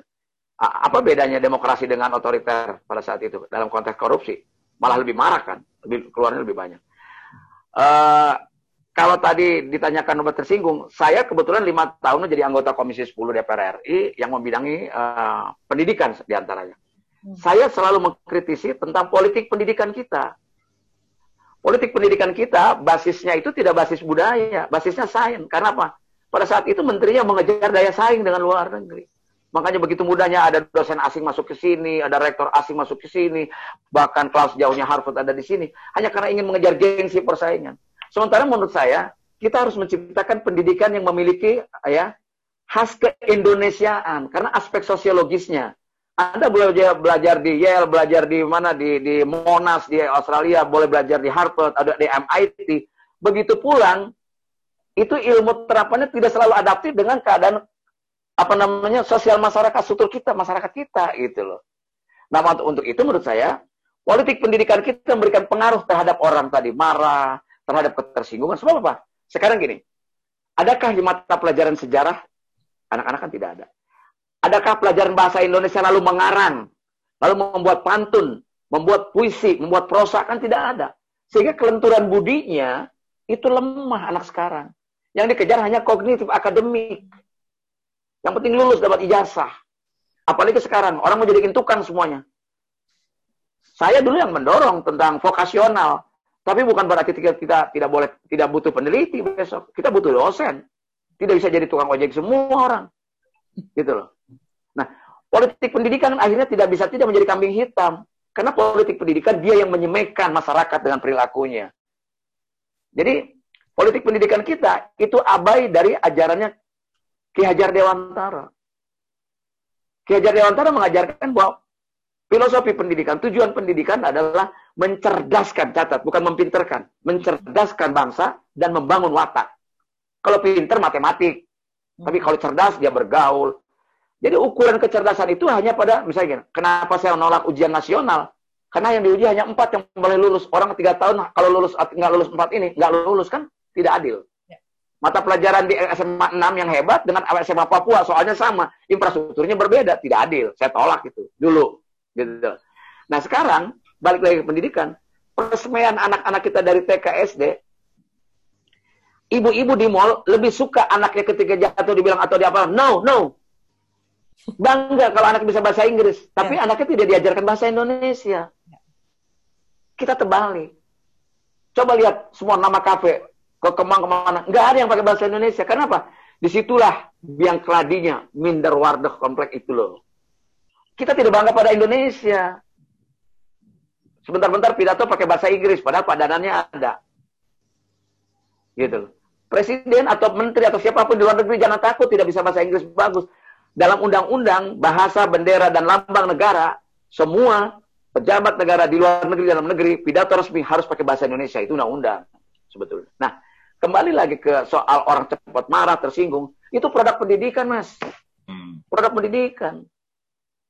Apalagi waktu Pak Effendi Muhajir Effendi mau bikin uh, one day school, full day school, kalau sekolahnya pagernya langsung nempel ke jalan, nggak punya uh, laboratorium uh, olahraga, nggak laboratorium kesenian, mau ngapain mau tidur di meja anak-anak seharian?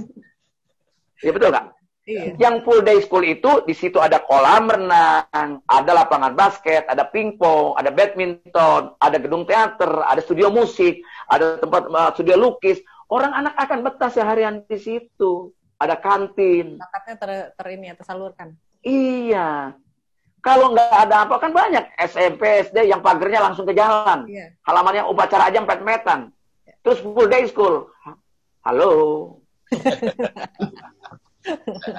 Iya kan? Yeah. Nah, jadi saya tetap bukan mencurigai karena saya pernah mengelola menjadi mitra Kementerian Pendidikan, maka saya lihat urut-urutannya persemaian masyarakat itu awalnya dari politik pendidikan kita bagaimana dia mengedepankan kognitif matematika fisika untuk daya saing keluar dibanding bagaimana basis ke, eh, basis pendidikan kita adalah kebudayaan. What is a kebudayaan? Kebudayaan bukan hanya kesenian, Bro. Cara pandang, ya. sistem sosial, sistem pertanian, sistem agama. Itu budaya.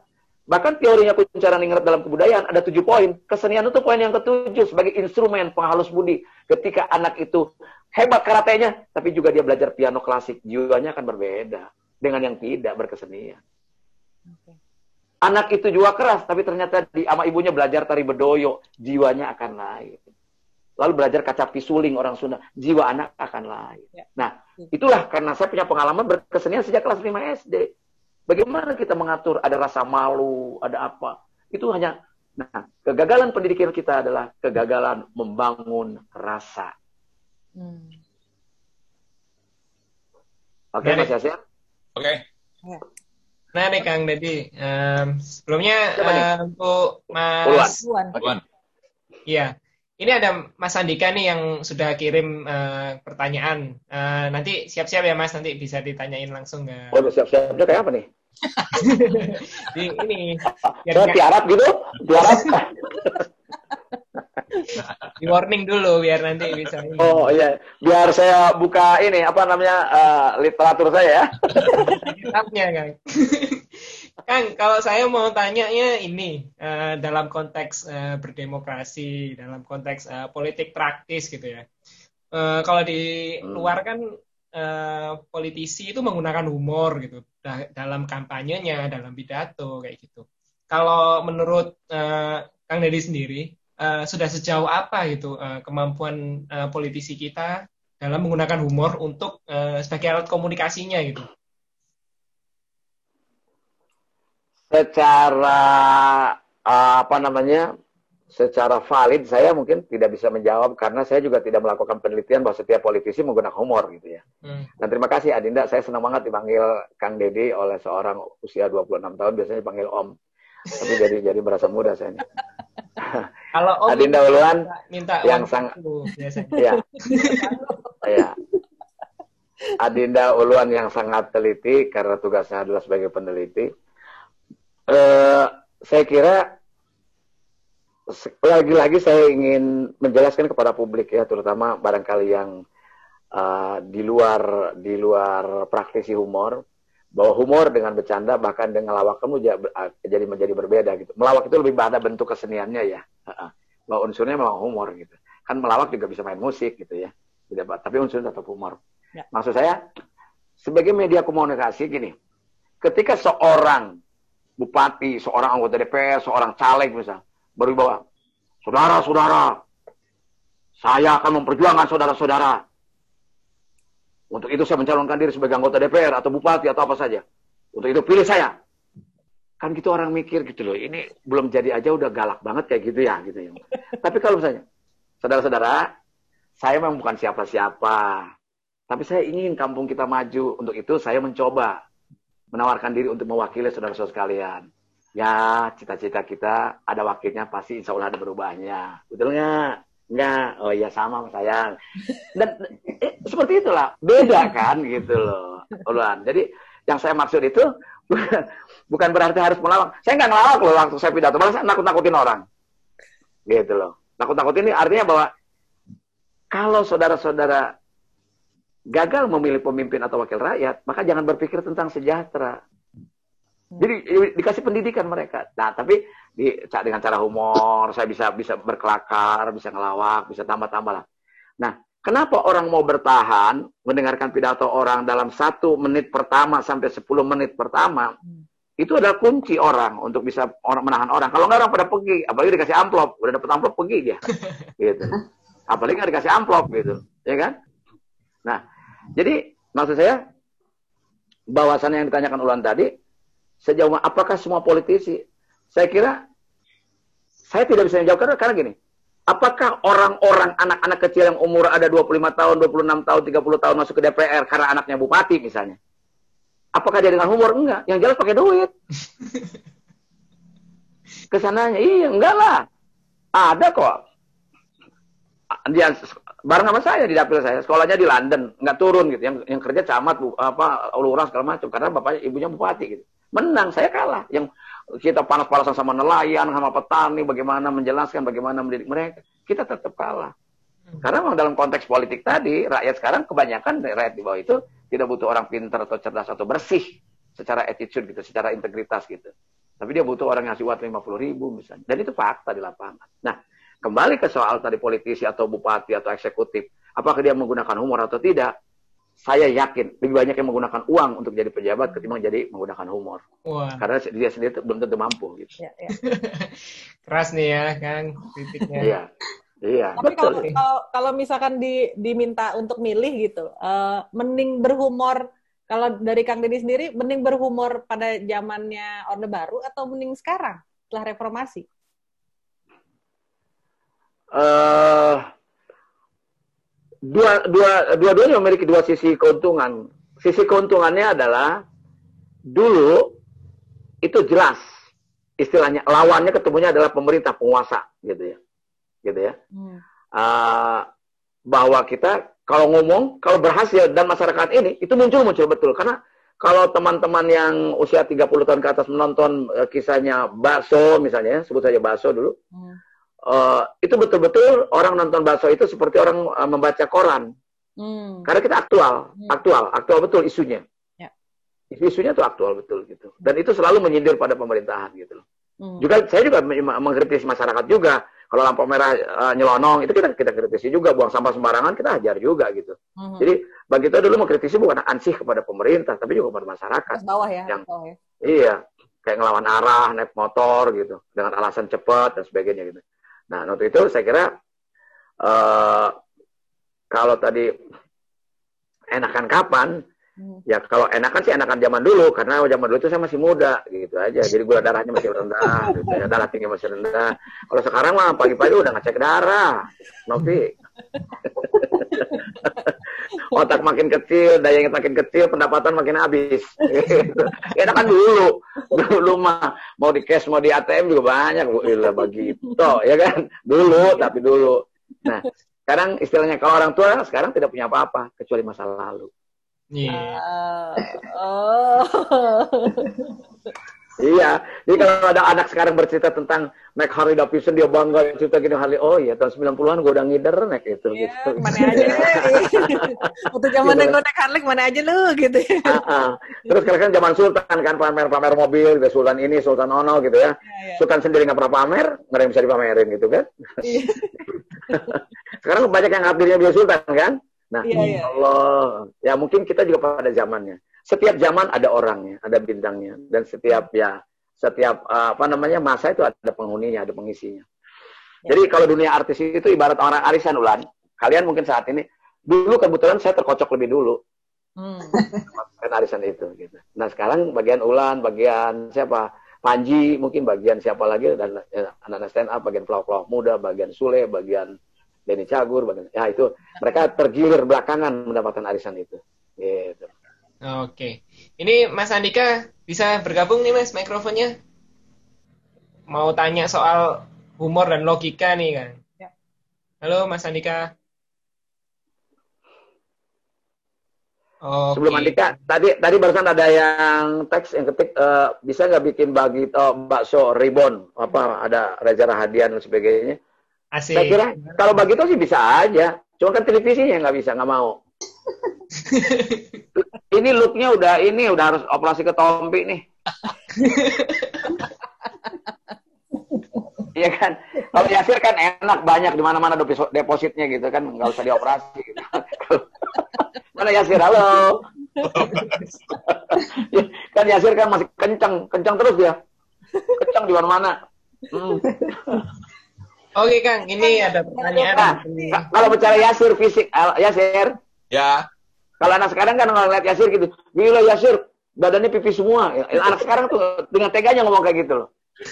Ya kan? Iya. Iya. Nah, untung Yasir orang nggak pernah marah. Santai, kalau tadi, santai saya mah. Nah, pertanyaan orang, apakah bisa kita bisa masih sehat kok, mental kita masih sehat, kreatif kita masih sehat, masih oke okay, gitu. Akan tetapi kan medianya udah nggak mau, televisinya mau yang muda yang tua enggak gitu loh. Oke. Okay. Oke, Mas Andika. Kang, ini ada per aja. pertanyaan nih, Kang. Mas Andika. Dari Andika. Andika tuh siapa? Andika tuh siapa? Andika tuh ini apa uh, uh, komika juga? Iya. Dari stand up comedy Unesa oh, nih iya, iya. Ya, ya. Oh, nice. Oke. Okay. Ya. Gimana nih, Kang? Uh, cara menjaga batas antara logika dan etika dalam berhumor. Nah, mungkin konteksnya dalam panggung ini ya, pelaku pelaku komedi gitu ya. Ya tidak semua yang diperkenankan oleh logika itu bisa diterima secara etika. Sebab kalau logika itu kan baik benar. Fakta begini, di dalam struktur humor berhumor itu ada dua yang saya pernah perhatikan. Pertama adalah deviasi. Deviasi itu penyimpangan. Tiba-tiba ulan ulan jadi pakai daster, jadi banci. Orang ketawa gitu. Ya. Dan jadi banci itu, jadi pakai daster itu tidak perlu pelawak kok. Orang biasa aja. Hmm ayahnya Mbak Novi pakai daster ke jalan gitu. Orang tertawa, bukan pelawak loh. Karena ada penyimpangan, ada penyimpangan. Maaf, maaf, ada penyimpangan. Atau tiba-tiba, eh, dadah, dadah, terpleset pisang atau atau nabrak pohon, pagar dan sebagainya gitu. Ada penyimpangan, penyimpangan. Atau mungkin uh, tiba-tiba niruin orang bindang misalnya, orang cacat itu kan secara etika kan nggak baik. Itu baik buruk. Jadi benar tidak selalu baik gitu loh. Hmm. Nah, tetapi struktur humor itu harus benar. Misalnya begini. Anda, kalau kan zaman bahan Mas Yasir mungkin sebagai dosen masih masih ingat, ada orang zaman dulu, pelawak zaman dulu, ayo, bisa bahasa Arab? Bisa. Dong. Apa buah-buahan? Alpukat. Apa tempat baju? Almari. Itu bukan bahasa Arab. Oh. Itu tidak tidak bukan unsur humor yang kuat gitu. Ya. Hanya bagi orang-orang tataran yang mana alpukat, almari itu apa apa apa uh, almarhum. Nah, dia akan bisa lucu menceritakan jokes tadi kayak misalnya bahasa Inggris atau bahasa Arab apabila dia sendiri memang menguasai grammar dan struktur dari bahasa itu, gitu loh. Hmm. Ya kan? Nah, kalau enggak, kita mengelawak di IDI misalnya, Ikatan Dokter Indonesia.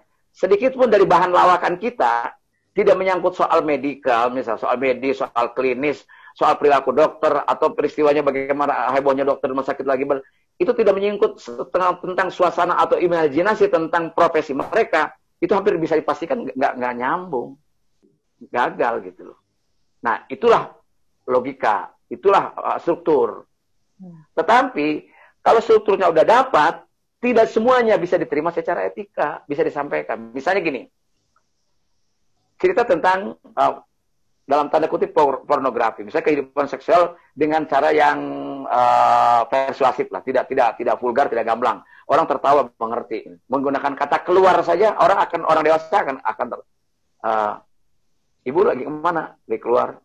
Bapak ada. Kok keluarnya nggak bareng? Biasanya kalau keluar bareng lebih enak. Nah, itu orang dewasa akan menangkap itu gitu. Tapi itu kan tidak etik bagi kalau ada penontonnya yeah. anak-anak. Yeah. Dia akan bertanya. Nah, kurang lebih teorinya kayak begitu, apa namanya, uh, uh, siapa namanya, uluan gitu loh ya. Jadi batasnya itu sangat tergantung pada sen seseorang. Sen seseorang itu akan dibangun oleh pengetahuan seseorang. Jadi apa yang keluar dari mulut orang itu, itu akan terkendali, sangat tergantung pada isi yang diisi kepala. Jadi output itu sangat tergantung inputnya gitu. Sejauh mana eh, kepenuhan inputnya itu cukup memadai untuk bisa mengontrol gitu. Nah, namanya sense tadi, rasa. Jadi oh ini ini ini kita ngomong tentang korupsi, tiba-tiba ada yang baru keluar dari penjara, mantan pejabat nonton kita, baru habis di penjara korupsi baru bebas. Enak nggak kira-kira? Nah, udah gitu anaknya cantik. Wah. Lu naksir sama dia, kan pasti ngomong. Gitu loh. Nah, jadi kalau batas itu sangat menjadi relatif, puluhan, kalau menurut saya, yang kita lakukan gitu. Yang kita lakukan. Okay. Dulu sih ya, saya paling ngeri zaman dulu, kalau yang hadir itu nonton gitu ya, nonton lawak gitu, tokoh-tokoh nasional yang di acara besar gitu, ada Jenderal Benny Murdani gitu. Itu kita takut, karena susah untuk ketawa. Ada Pak Bob Hasan, ada Pak Mari Muhammad, itu takut. Kita karena memberikan uh, pengaruh pada suasana. Gitu loh. Jadi tokoh-tokoh yang memberikan influencer bagi yang lain, baik itu mudah tertawa atau tidak, itu bisa paling enak dengan wakil presiden Pak Trisutrisno misalnya. Dia mudah tertawa dan dia menerima dengan oke okay, gitu. Nah itu memberikan pengaruh bagi yang lain gitu loh. Kalau pengalaman saya manggung di depan pejabat ya, gitu. Baik pejabat sipil maupun militer gitu. Jadi kembali kepada pertanyaan ulang tadi, sejauh mana batasan antara logika dengan etika itu menjadi relatif dan penentunya adalah sense kita. Sejauh mana? Sense ini akan ditentukan oleh apa? Oleh isi hati kita dan isi kepala kita. Artinya apa?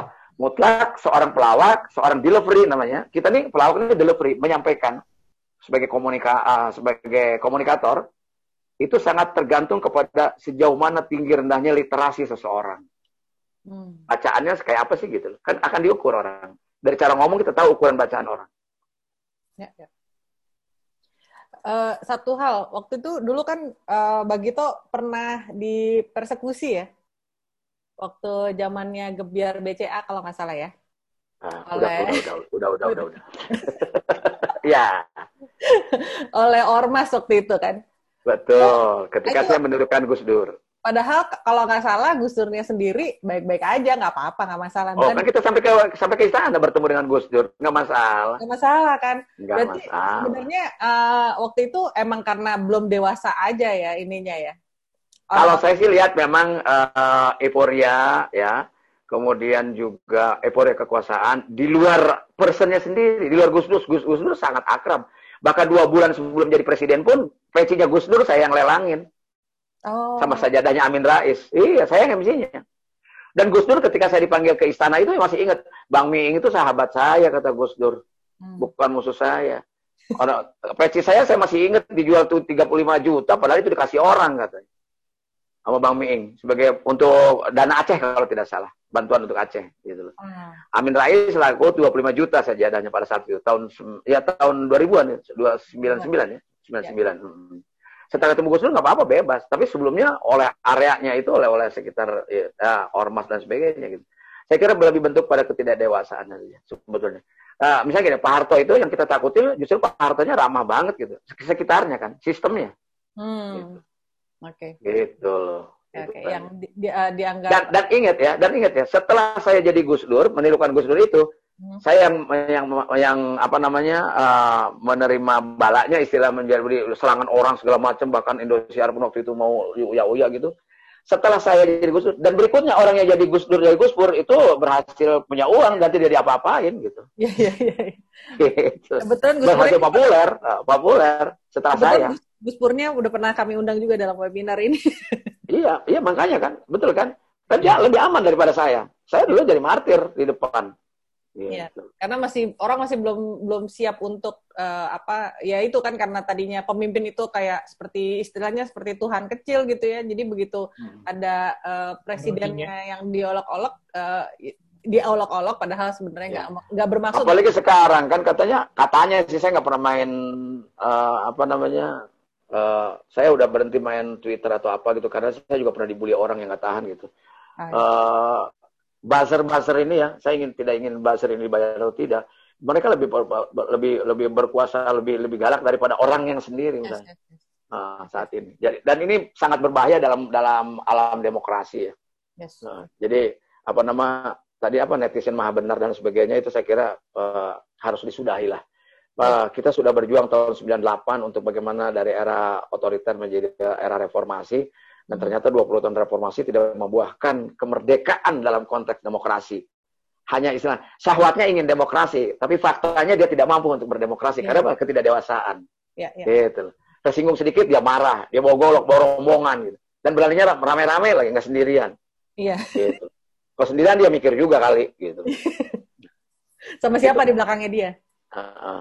Dan satu hal menurut saya saya ingin pesankan pada publik pada umumnya gitu baik itu apa apa namanya pelaku baik adik-adik yang cerdas-cerdas adik-adik apa nama komikal ya apa komika ya namanya komedian yeah. maaf ya uluan ya saya nggak begitu paham komik karena membacaan saya novel jadi halamannya lebih tebal uh, ya, kalau novel kan lebih tebal kalau komik kan lebih banyak gambar daripada bicara yeah. Ya. uh, ini saya kira pesan yang ini mungkin adik-adik ini tidak usah takut, tetap merdeka sebagai hak asasi kalian dan itu dilindungi oleh konstitusi tentang kemerdekaan menyampaikan pendapat, yes. ya, dan kemerdekaan untuk uh, dilindungi oleh undang-undang keterbukaan uh, informasi, ya.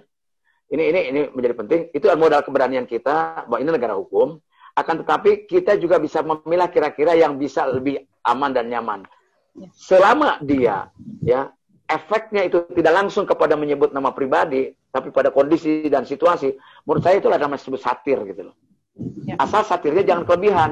Termasuk saya lihat banyak interviewer atau host talk show yang ingin dibilang berani, ingin dibilang intelek, menjatuhkan orang, menjudgment orang depan publik, itu sudah lewat melewati kritis satu digit saja menjadi cynical, jadi sinis. Hmm. Itu banyak saya saksikan. Jadi menyerang orang-orang, orang ditanya tapi belum selesai jawab dipotong, gitu loh. Gitu. Ya.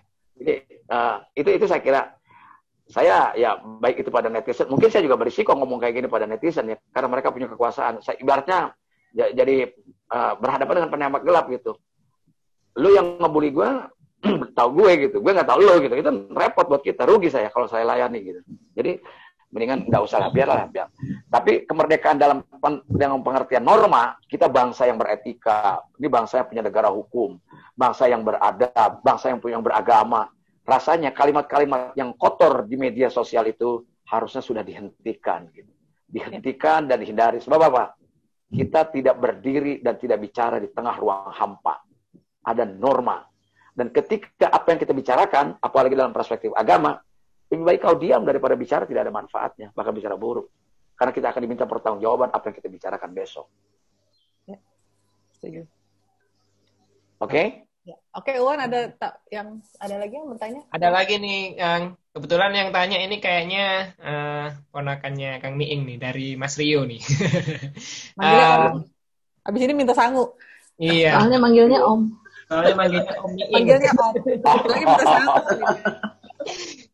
Oke, mungkin lebih kurang pertanyaannya uh, kira-kira begini. Kalau di uh, waktu Saya nggak ngerti bahasa kamu, maaf, Uluan. Udah bilang lebih terus kurang, terus maunya apa? Sedengnya, sedengnya. Sebagai peneliti itu kan mesti pasti dong ada keyakinan, ada possible gitu dalam dalam riset itu. Nggak bisa lebih kurang, udah lebih kok kurang gitu loh sama dengan kalau misalnya kita beli bakso, Mas, sambalnya banyakin dikit dong. Nah, sama. banyakin dikit. apa sih maunya gitu? Maunya. Nah, itu. Ah, saya sebagai politisi yang pernah ngelutin pendidikan, akhirnya saya kambing hitamnya dunia pendidikan juga gitu. Ini gurunya ngajarinnya gimana sih dulu? ah. Ya kan? Lamaan dikit. Lamaan dikit. Lama dikit. Ah. Lamaan dikit. Lamaan dikit ya malumin aja. malumin aja Kang Deddy soalnya dia itu gebetannya banyak tapi WA-nya nggak pernah dibales gitu. Dua tahun nggak dibales-bales kasihan. Teman saya nggak pernah pacaran tapi patah hati udah tujuh kali.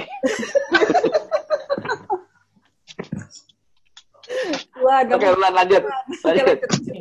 Kira-kira uh, dalam uh, Kang Deddy waktu di DPR, uh, teman-teman di DPR itu merespons uh, kritik dalam bentuk karikatur mungkin atau stand up comedy kayak yang lomba di DPR kemarin atau dalam uh, format lawak dan lain sebagainya itu ada uh, pertimbangan tertentu gitu. Kayak pernah nggak sih mendiskusikan uh, wah kita pernah nih dikritik sama kartun ini nih katanya DPR seperti ini ini ini gitu. Nah itu apa pernah jadi refleksi moral bagi teman-teman di DPR waktu itu? Kalau pertanyaannya pernah pasti pernah. Saya pernah di komisi sendiri Lalu saya juga pernah bicara tentang isu yang dilemparkan oleh publik kepada kita di ruang paripurna. Misalnya gini, ada orang tertidur di sholat kamera. Lalu maka semua orang berpersepsi, berasumsi bahwa anggota DPR kerjanya tidur. Gitu kan ya? Nah, Allah tidur aja kok dibayar gitu. Padahal mungkin saja tidur itu kan manusiawi. Kalau orang kerja serius di DPR, saya bukan membela diri. Kalau ada orang mengatakan bahwa DPR, anggota DPR semuanya brengsek, ah saya marah karena saya nggak brengsek gitu. Saya merasa mengerjakan sesuatu pada pada tempatnya pada saat itu gitu. Saya absen, ada orangnya. Ada juga anggota DPR yang absennya ada, orangnya nggak ada. Kadang-kadang habis nanya sama menteri, tiba-tiba begitu dijawab menteri orangnya nggak ada. Itu ada memang. Itu lucunya di situ gitu loh. Ya, saya nggak tahu mewakili siapa gitu. Nah kalau mau diskusikan itu pernah, iya pasti pernah. Akan tetapi anggota DPR begitu banyak kesibukan masing-masing, kesibukan pribadinya, kesibukan komisinya, kesibukan fraksinya, kesibukan DPR itu begitu sehingga hal-hal yang itu sudah menjadi biasa, alur biasa saja. Hanya mungkin saya pribadi, kalau ada orang mengatakan, bahkan saya pernah mengundang Sebastian Salang ke ruang kerja saya. Ketika dia mengatakan bahwa anggota DPR tidak produktif semuanya. Saya berikan, bahkan saya ketika reses, saya membawa stafnya dia ke dapil saya. Saksikan kerja saya. Jadi kalaupun hanya 0, sekian persen atau satu persen atau dua persen dari 650 orang atau dari 560 orang, itu barangkali kita ada di dalamnya dari sekian persen itu. Nah, artinya bahwa itu baru adil. Masyarakat juga tidak bisa menjudgment seperti itu bahwa semua orang ya kan pisang satu tandan kan tidak utuh semua, ada juga yang rusak. Gitu. Nah, kurang lebih anggota DPR mungkin ada yang baik, walaupun banyak yang yang tidak baik misalnya. Tapi tidak boleh mengatakan mengeneralisir gitu. Tapi kan asumsi publik, ya, bahkan persepsi publik yang terbangun adalah misalnya tidur. Padahal kalau tidur itu, apalagi kepada siklus anggaran, itu membahas anggaran bisa sampai jam 2 pagi. Sementara jam 9 harus ada di, kalau jam 2 pagi baru selesai, setelah tambahan waktu, itu sampai rumah paling nggak jam 3. Mau tidur itu habis subuh. Jam 9, 10 harus di kantor lagi. Betapa ketika paripurna orang ngantuk. Wajar. Gitu loh. Jadi kalau orang tidur belum tentu tidak kerja. Kalau orang tidur belum tentu tidak mendengar. Karena mendengar itu tidak dengan mata, dengan telinga, gitu loh. Nah, saya tidak membela diri sama sekali, tapi tidak boleh. Kita harus didik masyarakat juga uh, lebih adil, lebih wise dalam memandang segala suatu persoalan. Tidak boleh menjelaskan segala urusan, gitu. Karena kita pun akan marah apabila kita disamakan dengan orang lain, gitu loh. Lebih okay. lebih fair aja. Gitu. Berarti uh, Kang Miing itu sebagai komedian, sebagai orang yang punya sense of humor ya, baik sebagai pelaku uh, komedi maupun sebagai seorang individu biasa, Berarti intinya pernah tersinggung ketika ya ada hal-hal yang uh, salah dituduhkan kepada Kang Iing gitu ya konteks tersinggung. Oh enggak, saya enggak, enggak saya enggak, berting, enggak tersinggung. Saya cuma cuma lurusan aja enggak. Dan okay. kalau masyarakat berpendapat kayak gitu, pantas saja wajar aja, wajar okay. menurut saya sih. Karena mereka tidak tahu sebetulnya. Kan mereka nggak ngikutin hari-harinya. Okay. Jadi menurut saya di politik itu kecewa, tersinggung, marah itu barang mewah saya gunakan kalau perlu aja. Nah, pernahnya itu waktu kapan tuh kan? Tersinggungnya oleh humor itu pernah nggak sih? Ah, bukan humor itu mah. Nodo. Oke. Okay. apa kerja nawatan nggak ada kerjanya? Waduh, itu undang-undang berbulan-bulan kita sampai jam tengah malam tengah malam kita bahas. Kok nggak ada kerjanya? Jadi kalau konteks humor, eh, seorang Kang Deddy nggak pernah ini ya, nggak pernah tersinggung nggak, ya? Nggak, nggak, nggak, Orang saya dibilang jelek aja saya ikhlas. Sama mama, saya juga. Kan nuduh ya. saya pernah dituduh loh di, di bandara waktu itu sama anak, -anak muda. Bener loh dituduh saya. Eh Dilan ya Dilan. Saya bilang jangan bukan. itu jadi hoax ya, itu jadi hoax. iya, itu itu sejak hoax itu ah Dilan sombong banget sekarang, sombong banget. itu Dilan baru-baru ini betul. Nolak bener. Saya nggak mau gitu. Didesak terus. Akhirnya saya ngaku, iya saya Dilan, kok nggak mirip. tangan tempat. Iya. Saya langsung tanah aja deh. Ini berkas. Oke. Ada pertanyaan menarik juga nih dari Pak Imam. Nah, mungkin kalau Pak Imam mau bergabung boleh nih atau dibacain aja. Bergabung dengan partai apa, Dek? Katanya gabung ke Real Madrid nih, Kang. Oke, dibacain aja deh pertanyaannya. Bagaimana pendapat Kang Miing eh, komedian yang mengundang tawa penonton menggunakan cerita kekurangan, misalnya kekurangan orang tuanya atau keluarganya gitu kan. Ya itu kan nggak boleh, kan justru itu letaknya etika tadi. Saya masih suka lihat loh, uh, mohon maaf ya buat teman-teman saya tidak, saya tidak lupa menyebutkan pelawaknya apa, eh, apa namanya komik, komikanya siapa gitu. Tapi saya pernah lihat selintas di televisi. Eh tahu nggak loh, orang uh, nyak gue tuh norak banget, masa emaknya dipermalukan gitu? Nora dibilang-bilang ke publik. Hmm. Ada loh. Oh, oh. Norak banget loh. Gue mau nonton YouTube aja dia bilang suruh pakai minyak wangi gitu loh. Jadi dicerita untuk mendapat efek jadi emaknya yang jadi korban gitu kan nggak nggak etis gitu loh. Banyak loh anak-anak itu. Hmm. Misalnya maklum gue kan orang Bekasi misalnya atau apa gitu. Dia membuli dirinya dengan dengan merugikan orang lain juga apalagi dia kalau tadi menyampaikan mengekspos kekurangan orang lain terutama orang tua menurut saya itu di, di luar etika yang baik ya. Masih banyak humor yang sehat kok. Humor yang sehat banyak kok yang mencerdaskan orang.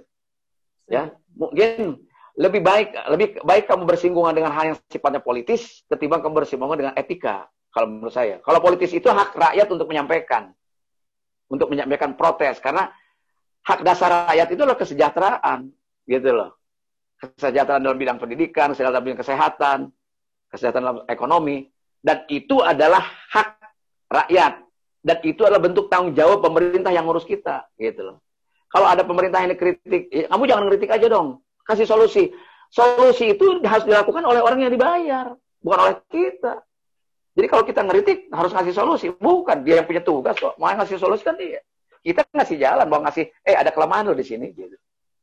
Gitu. Banyak kan pihak-pihak uh, dari uh, unsur-unsur yang mem, yang mewakili pemerintah mengatakan Anda kritik tidak konstruktif gitu. Anda kasih solusi dong. Lo solusi mah tugas lu. Lu dari bayar dia punya jabatan punya fasilitas kok suruh kita yang kerja gimana? Lucu. Gabut.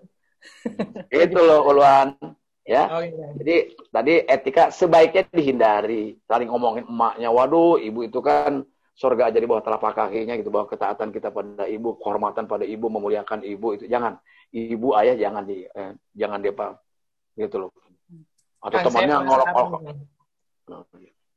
um, ada atau jokes atau humor waktu yang ditampilkan oleh Bagiko, Bagito yang disesali nggak sih sekarang waktu itu? Hmm? Jokes yang disesali waktu udah ditampilkan sama Bagito. Ada nggak ya? Hmm, mesti diingat-ingat dulu waktu itu nyesel apa ya? apa karena bayarannya kurang udah ini gitu?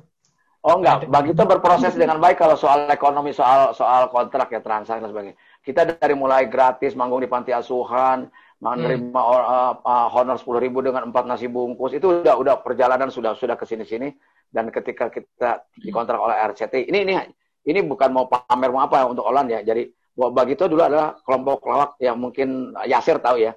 Kelompok lawak pertama yang termahal dibayar oleh televisi itu kita dulunya gitu loh. Jadi uh, dan dan kelompok lawak yang pertama kali punya acara sendiri ya ya itu gitu pada saat itu. Ya.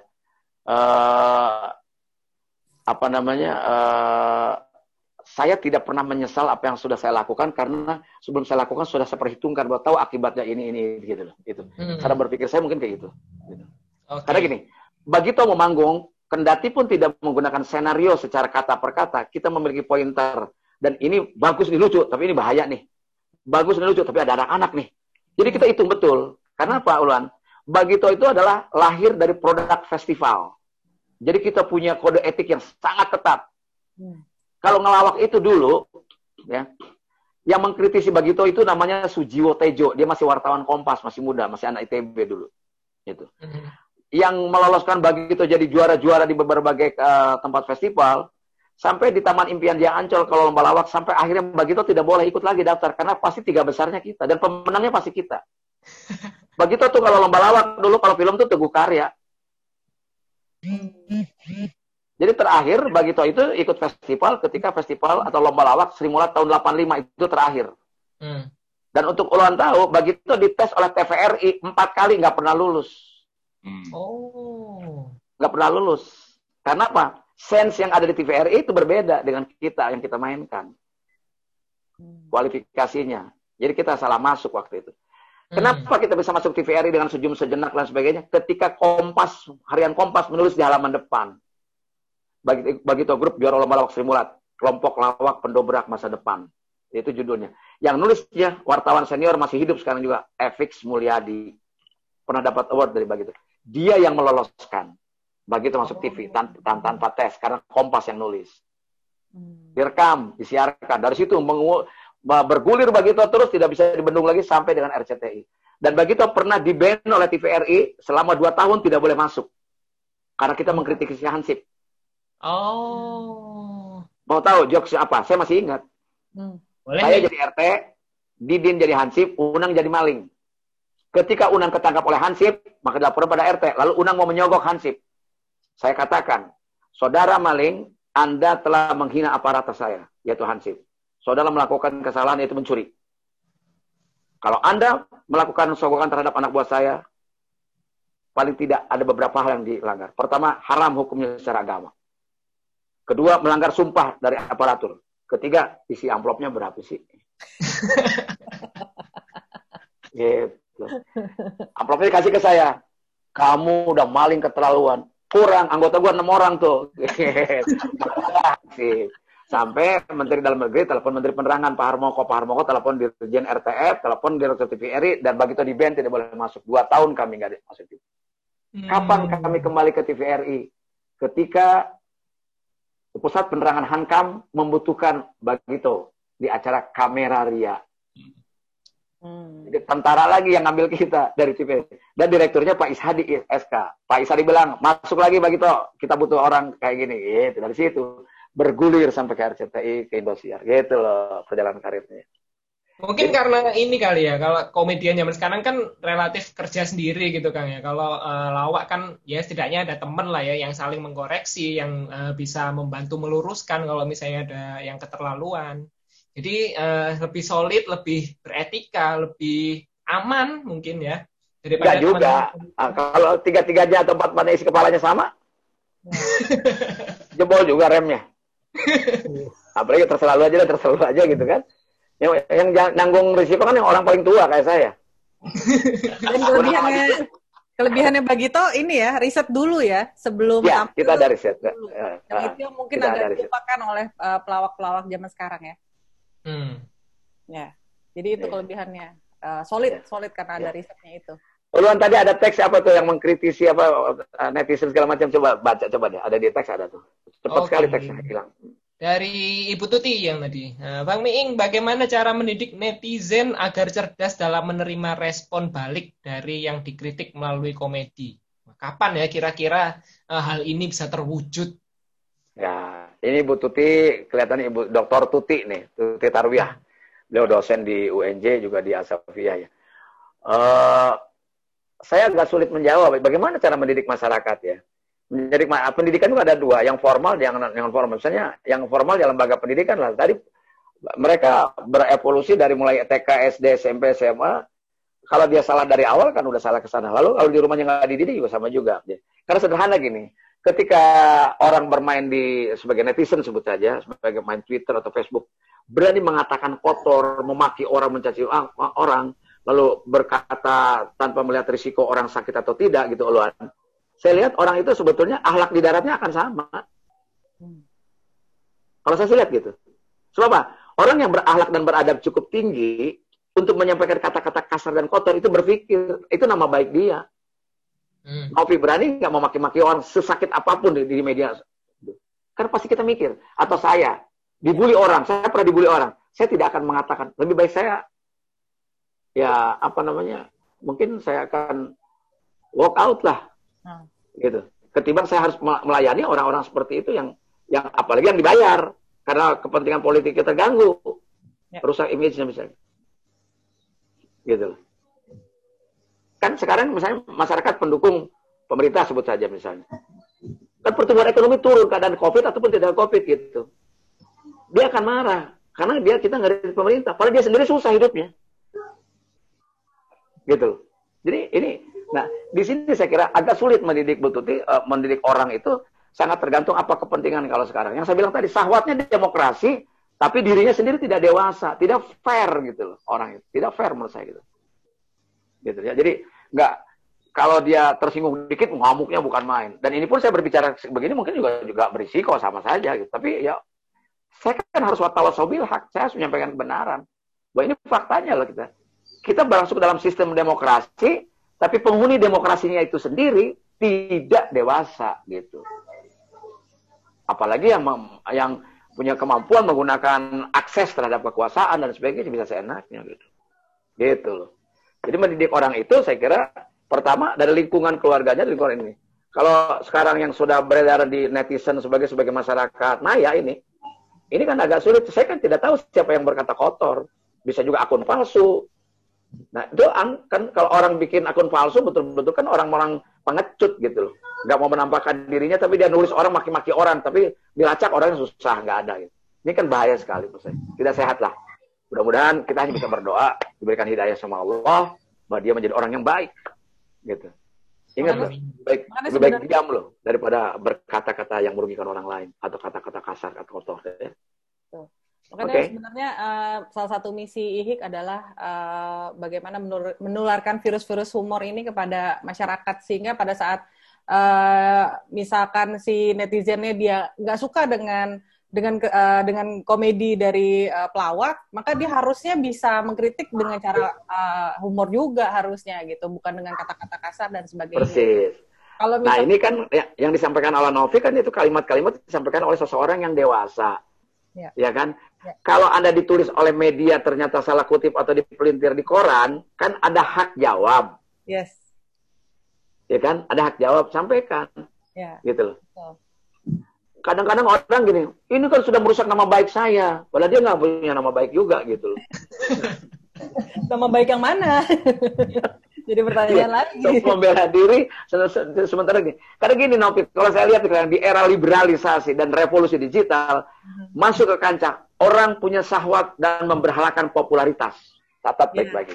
Ya, ya, setuju. Memberhalakan popularitas. Semua orang, termasuk orang di mana pun ingin ingin populer, ingin semua kayak Raffi Ahmad, ingin kayak Atta Halilintar semuanya. Yes, Dan media yang sangat liberal ini ya kan mendidik orang untuk hidup dengan jalan pintas. Mak-mak walaupun pakai pakaian yang syar'i tapi juga goyang-goyang dengan mimik yang erotik. Ini ini juga masalah sekarang ini sekarang saya lihat. Bikin TikTok yang mungkin suaminya marah kalau tahu. Jadi mereka ibu-ibu lakukan. Ini sudah tidak bisa kontrol lagi dengan media yang sangat liberal ini. Akhirnya apa? Politisi kayak juru bicara kayak apa? Mau di ILC, mau di TV mana pun dia ngomong, sudah sulit membedakan antara terkenal dengan tercemar. Hmm. That's a good point. Sama-sama diketahui. Sama-sama dikenal, sama-sama diketahui, tapi tercemar aja. Bahwa nama buruk diolok-olok pun dia merasa merasa it's a joke gitu. Padahal buk, sebetulnya menokik gitu. Banyak kan tokoh-tokoh yang membela habis-habisan karena memang dia harus ngomong gitu karena dia dibayarnya untuk itu. Iya. Yeah. Kalau saya pernah mengatakan, saya pernah loh di ELC untuk mengatakan ketika misalnya ada sebuah peristiwa yang uh, perubahan politik pada saat itu. Saya bilang, saya aktor komedi. Saya mampu memerankan komedi. Tapi saya tidak akan mampu memerankan seperti orang itu. yang kemarin ngomong begini, hari ini ngomong gini. Saya nggak nggak nggak sanggup tuh ngomong begitu. Kemarin memuji-muji presiden ini, wah, oh nggak bisa Najwa, begini, gini, gini, gini. Besoknya, ah, itu dan itu nggak malu gitu loh. Ah, ya. Dan itu ada, ya kan? Paham kali ya? Iya. Ya. Nah di situ saya letaknya segudang ilmu apa pun dengan titel akademiknya gitu, ketika sense dia susah mengontrol, maka sulit membedakan antara terkenal dengan tercemar sekalipun. Gitu Dan uh, mungkin untuk apa kalau misalkan ada netizen yang uh, udah kita kasih hak jawab ternyata masih ngebully juga, ya udah kita anggap aja netizen, netizen tersebut nggak berbakat jadi netizen berarti. Lagi lagi bakat. Oke, um, Kang Deddy dan juga Sobat IX sekalian, um, kita udah ngelebihin dikit nih dari ya. durasi uh, ngobrol kita. Nah, berkaitan uh, sebelum kita berakhir dengan mengakhiri webinar ini, uh, kami minta tolong nih untuk teman-teman mengaktifkan videonya. Nanti kita foto bareng sama Kang Deddy dan lain sebagainya. Jadi sambil main. sambil sambil mengaktifkan kameranya boleh saya sum up sedikit. Oke. Okay. Ya, uh, dari diskusi kita hari ini, kalau boleh saya sum up, uh, sum up uh, Indonesia sudah merdeka dalam berhumor, tapi ingat bahwa kita adalah negara hukum, negara beradab, dan negara beretika. Jadi, tetaplah bersuara, tetaplah berhumor yang berguna bagi orang lain, supaya kedewasaan kita dalam berhumor makin meningkat. Asik. Terima kasih Mbak Novri menyambung juga dari misi Mbak Novri dari HIK ya untuk menyebarkan virus-virus humor.